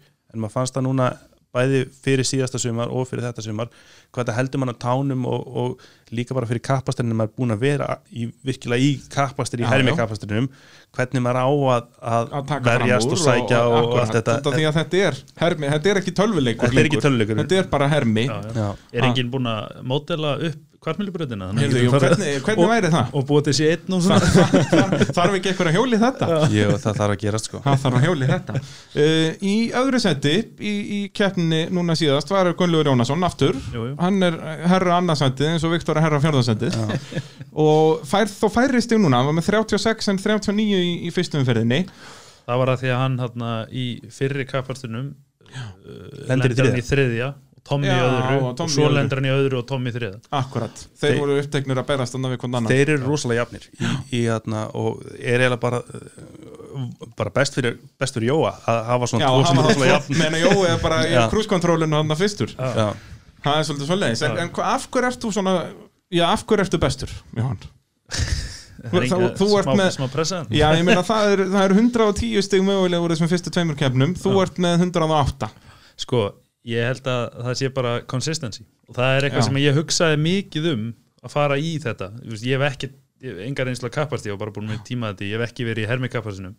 En ég hugsaði bara að þetta, þetta eru átjánringir ég verð að fara alla frekar hratt. Ég get ekki verið eitt hraðan og Nei, nei, bara halda alltaf, reyna Já, bara að vera með con- eitthvað. consistency, bara ekki gera mistök. Já, þannig að ég hef kannski keirt stundum bara 90% einhverja tíu ringi bara til þess að þú veist, klúðringi halda og svona, dampi, já, ekki, ekki. Og svo í fyrri keppni þegar var grenjandi rigning þá var ég bara, ég held með aðeins aftar sem sagt reverse gridinu.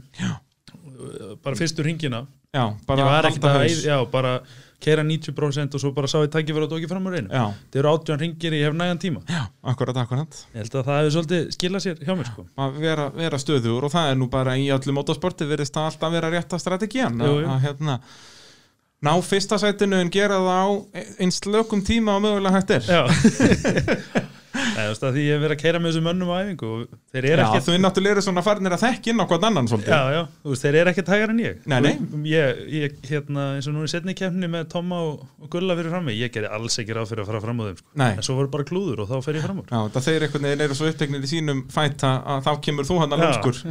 Það er náttúrulega bara geggja og þessi, hérna, þið eru svo búin að smita með þessu, ég er að fara að mæti þessa síðustu keppni, ég er bara Já. að ákveða það Þú þarf bara að mæta á morgun og, og fá að taka hring sko. Já, Er æfinga morgun? Nei, það, þetta er í dag. Já, þetta er í kvöld, er í kvöld. akkurat, það er miðvikudagur. Við erum alls ekki að taka þetta upp hérna á þriðutaskvöldi Nei, alls ekki, Ef einhver ætlar að fara að halda því fram? Það er hérna gullfallegur dagur, miðvikudagur. Já, og hérna, svo ég kannski fái aðeins að plugga. Já, endilega. Þarna, þá er á hverjum einasta miðvikudegi í sumar uh, getur hver sem er mættum að braut á sínum eigin bíl ef hann er með viðauka það frá trygginga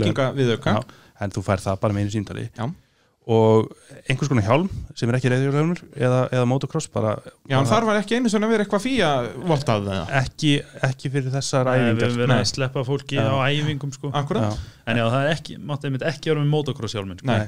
en bara ef þetta er motorsport hjálmur sem þú fær bara hjá McKinstry fyrir tíu skall. Annað plögg hérna.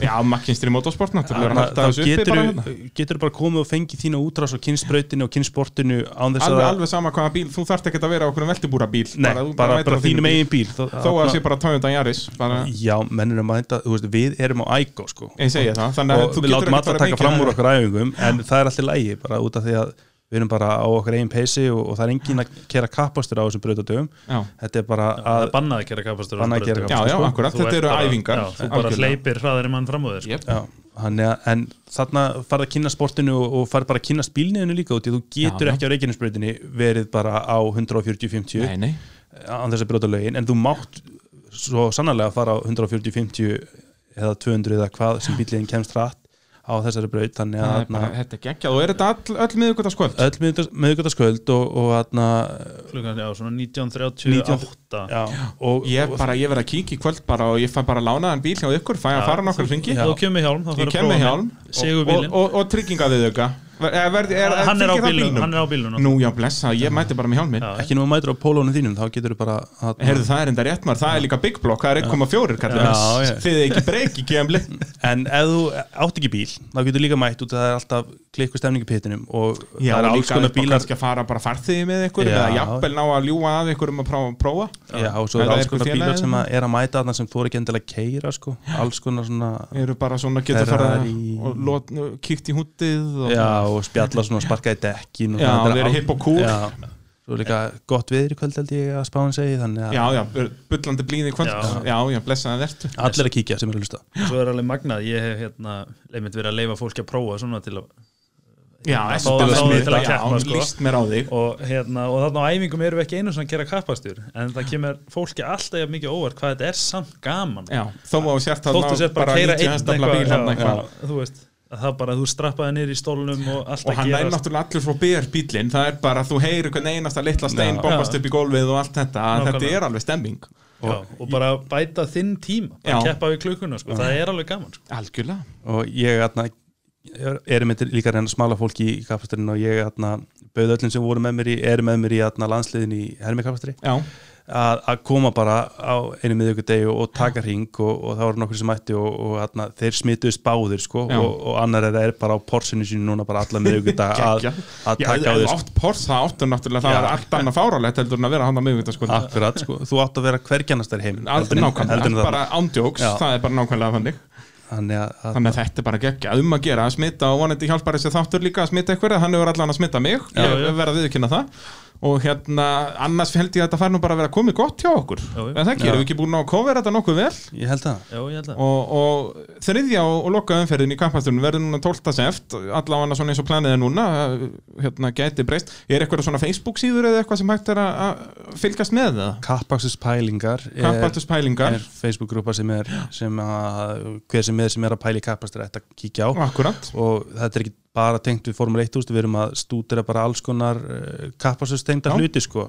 Bara allt frá því að vera hotvikta bíl yfir það bara hvernig Formule 1 var um helgina og, og allt svoleiði sko að við, um að gera kíkja inn á það. Já. og þá kannski líka er ykkur upplýsingar þar ef, að, ef eitthvað skildi breytast með, með þriðjumferðina já, og svo líka bara kvartmjölklúburinn á Facebook. Já, það er alls konar upplýsingar sem koma þangað þannig að bara fylgjast með það er Já. svolítið svo leiðis og, og hérna við sjáumst bara í, í lokaumferðina það var indislegt að fá okkur í smjall. Já, takk fyrir mig. Takk fyrir okkur. Og mótorvarpið og sjálfsögðu bóðið að býja var að hluta innvila og bílapuntsins uh, þangar til næst, bless bless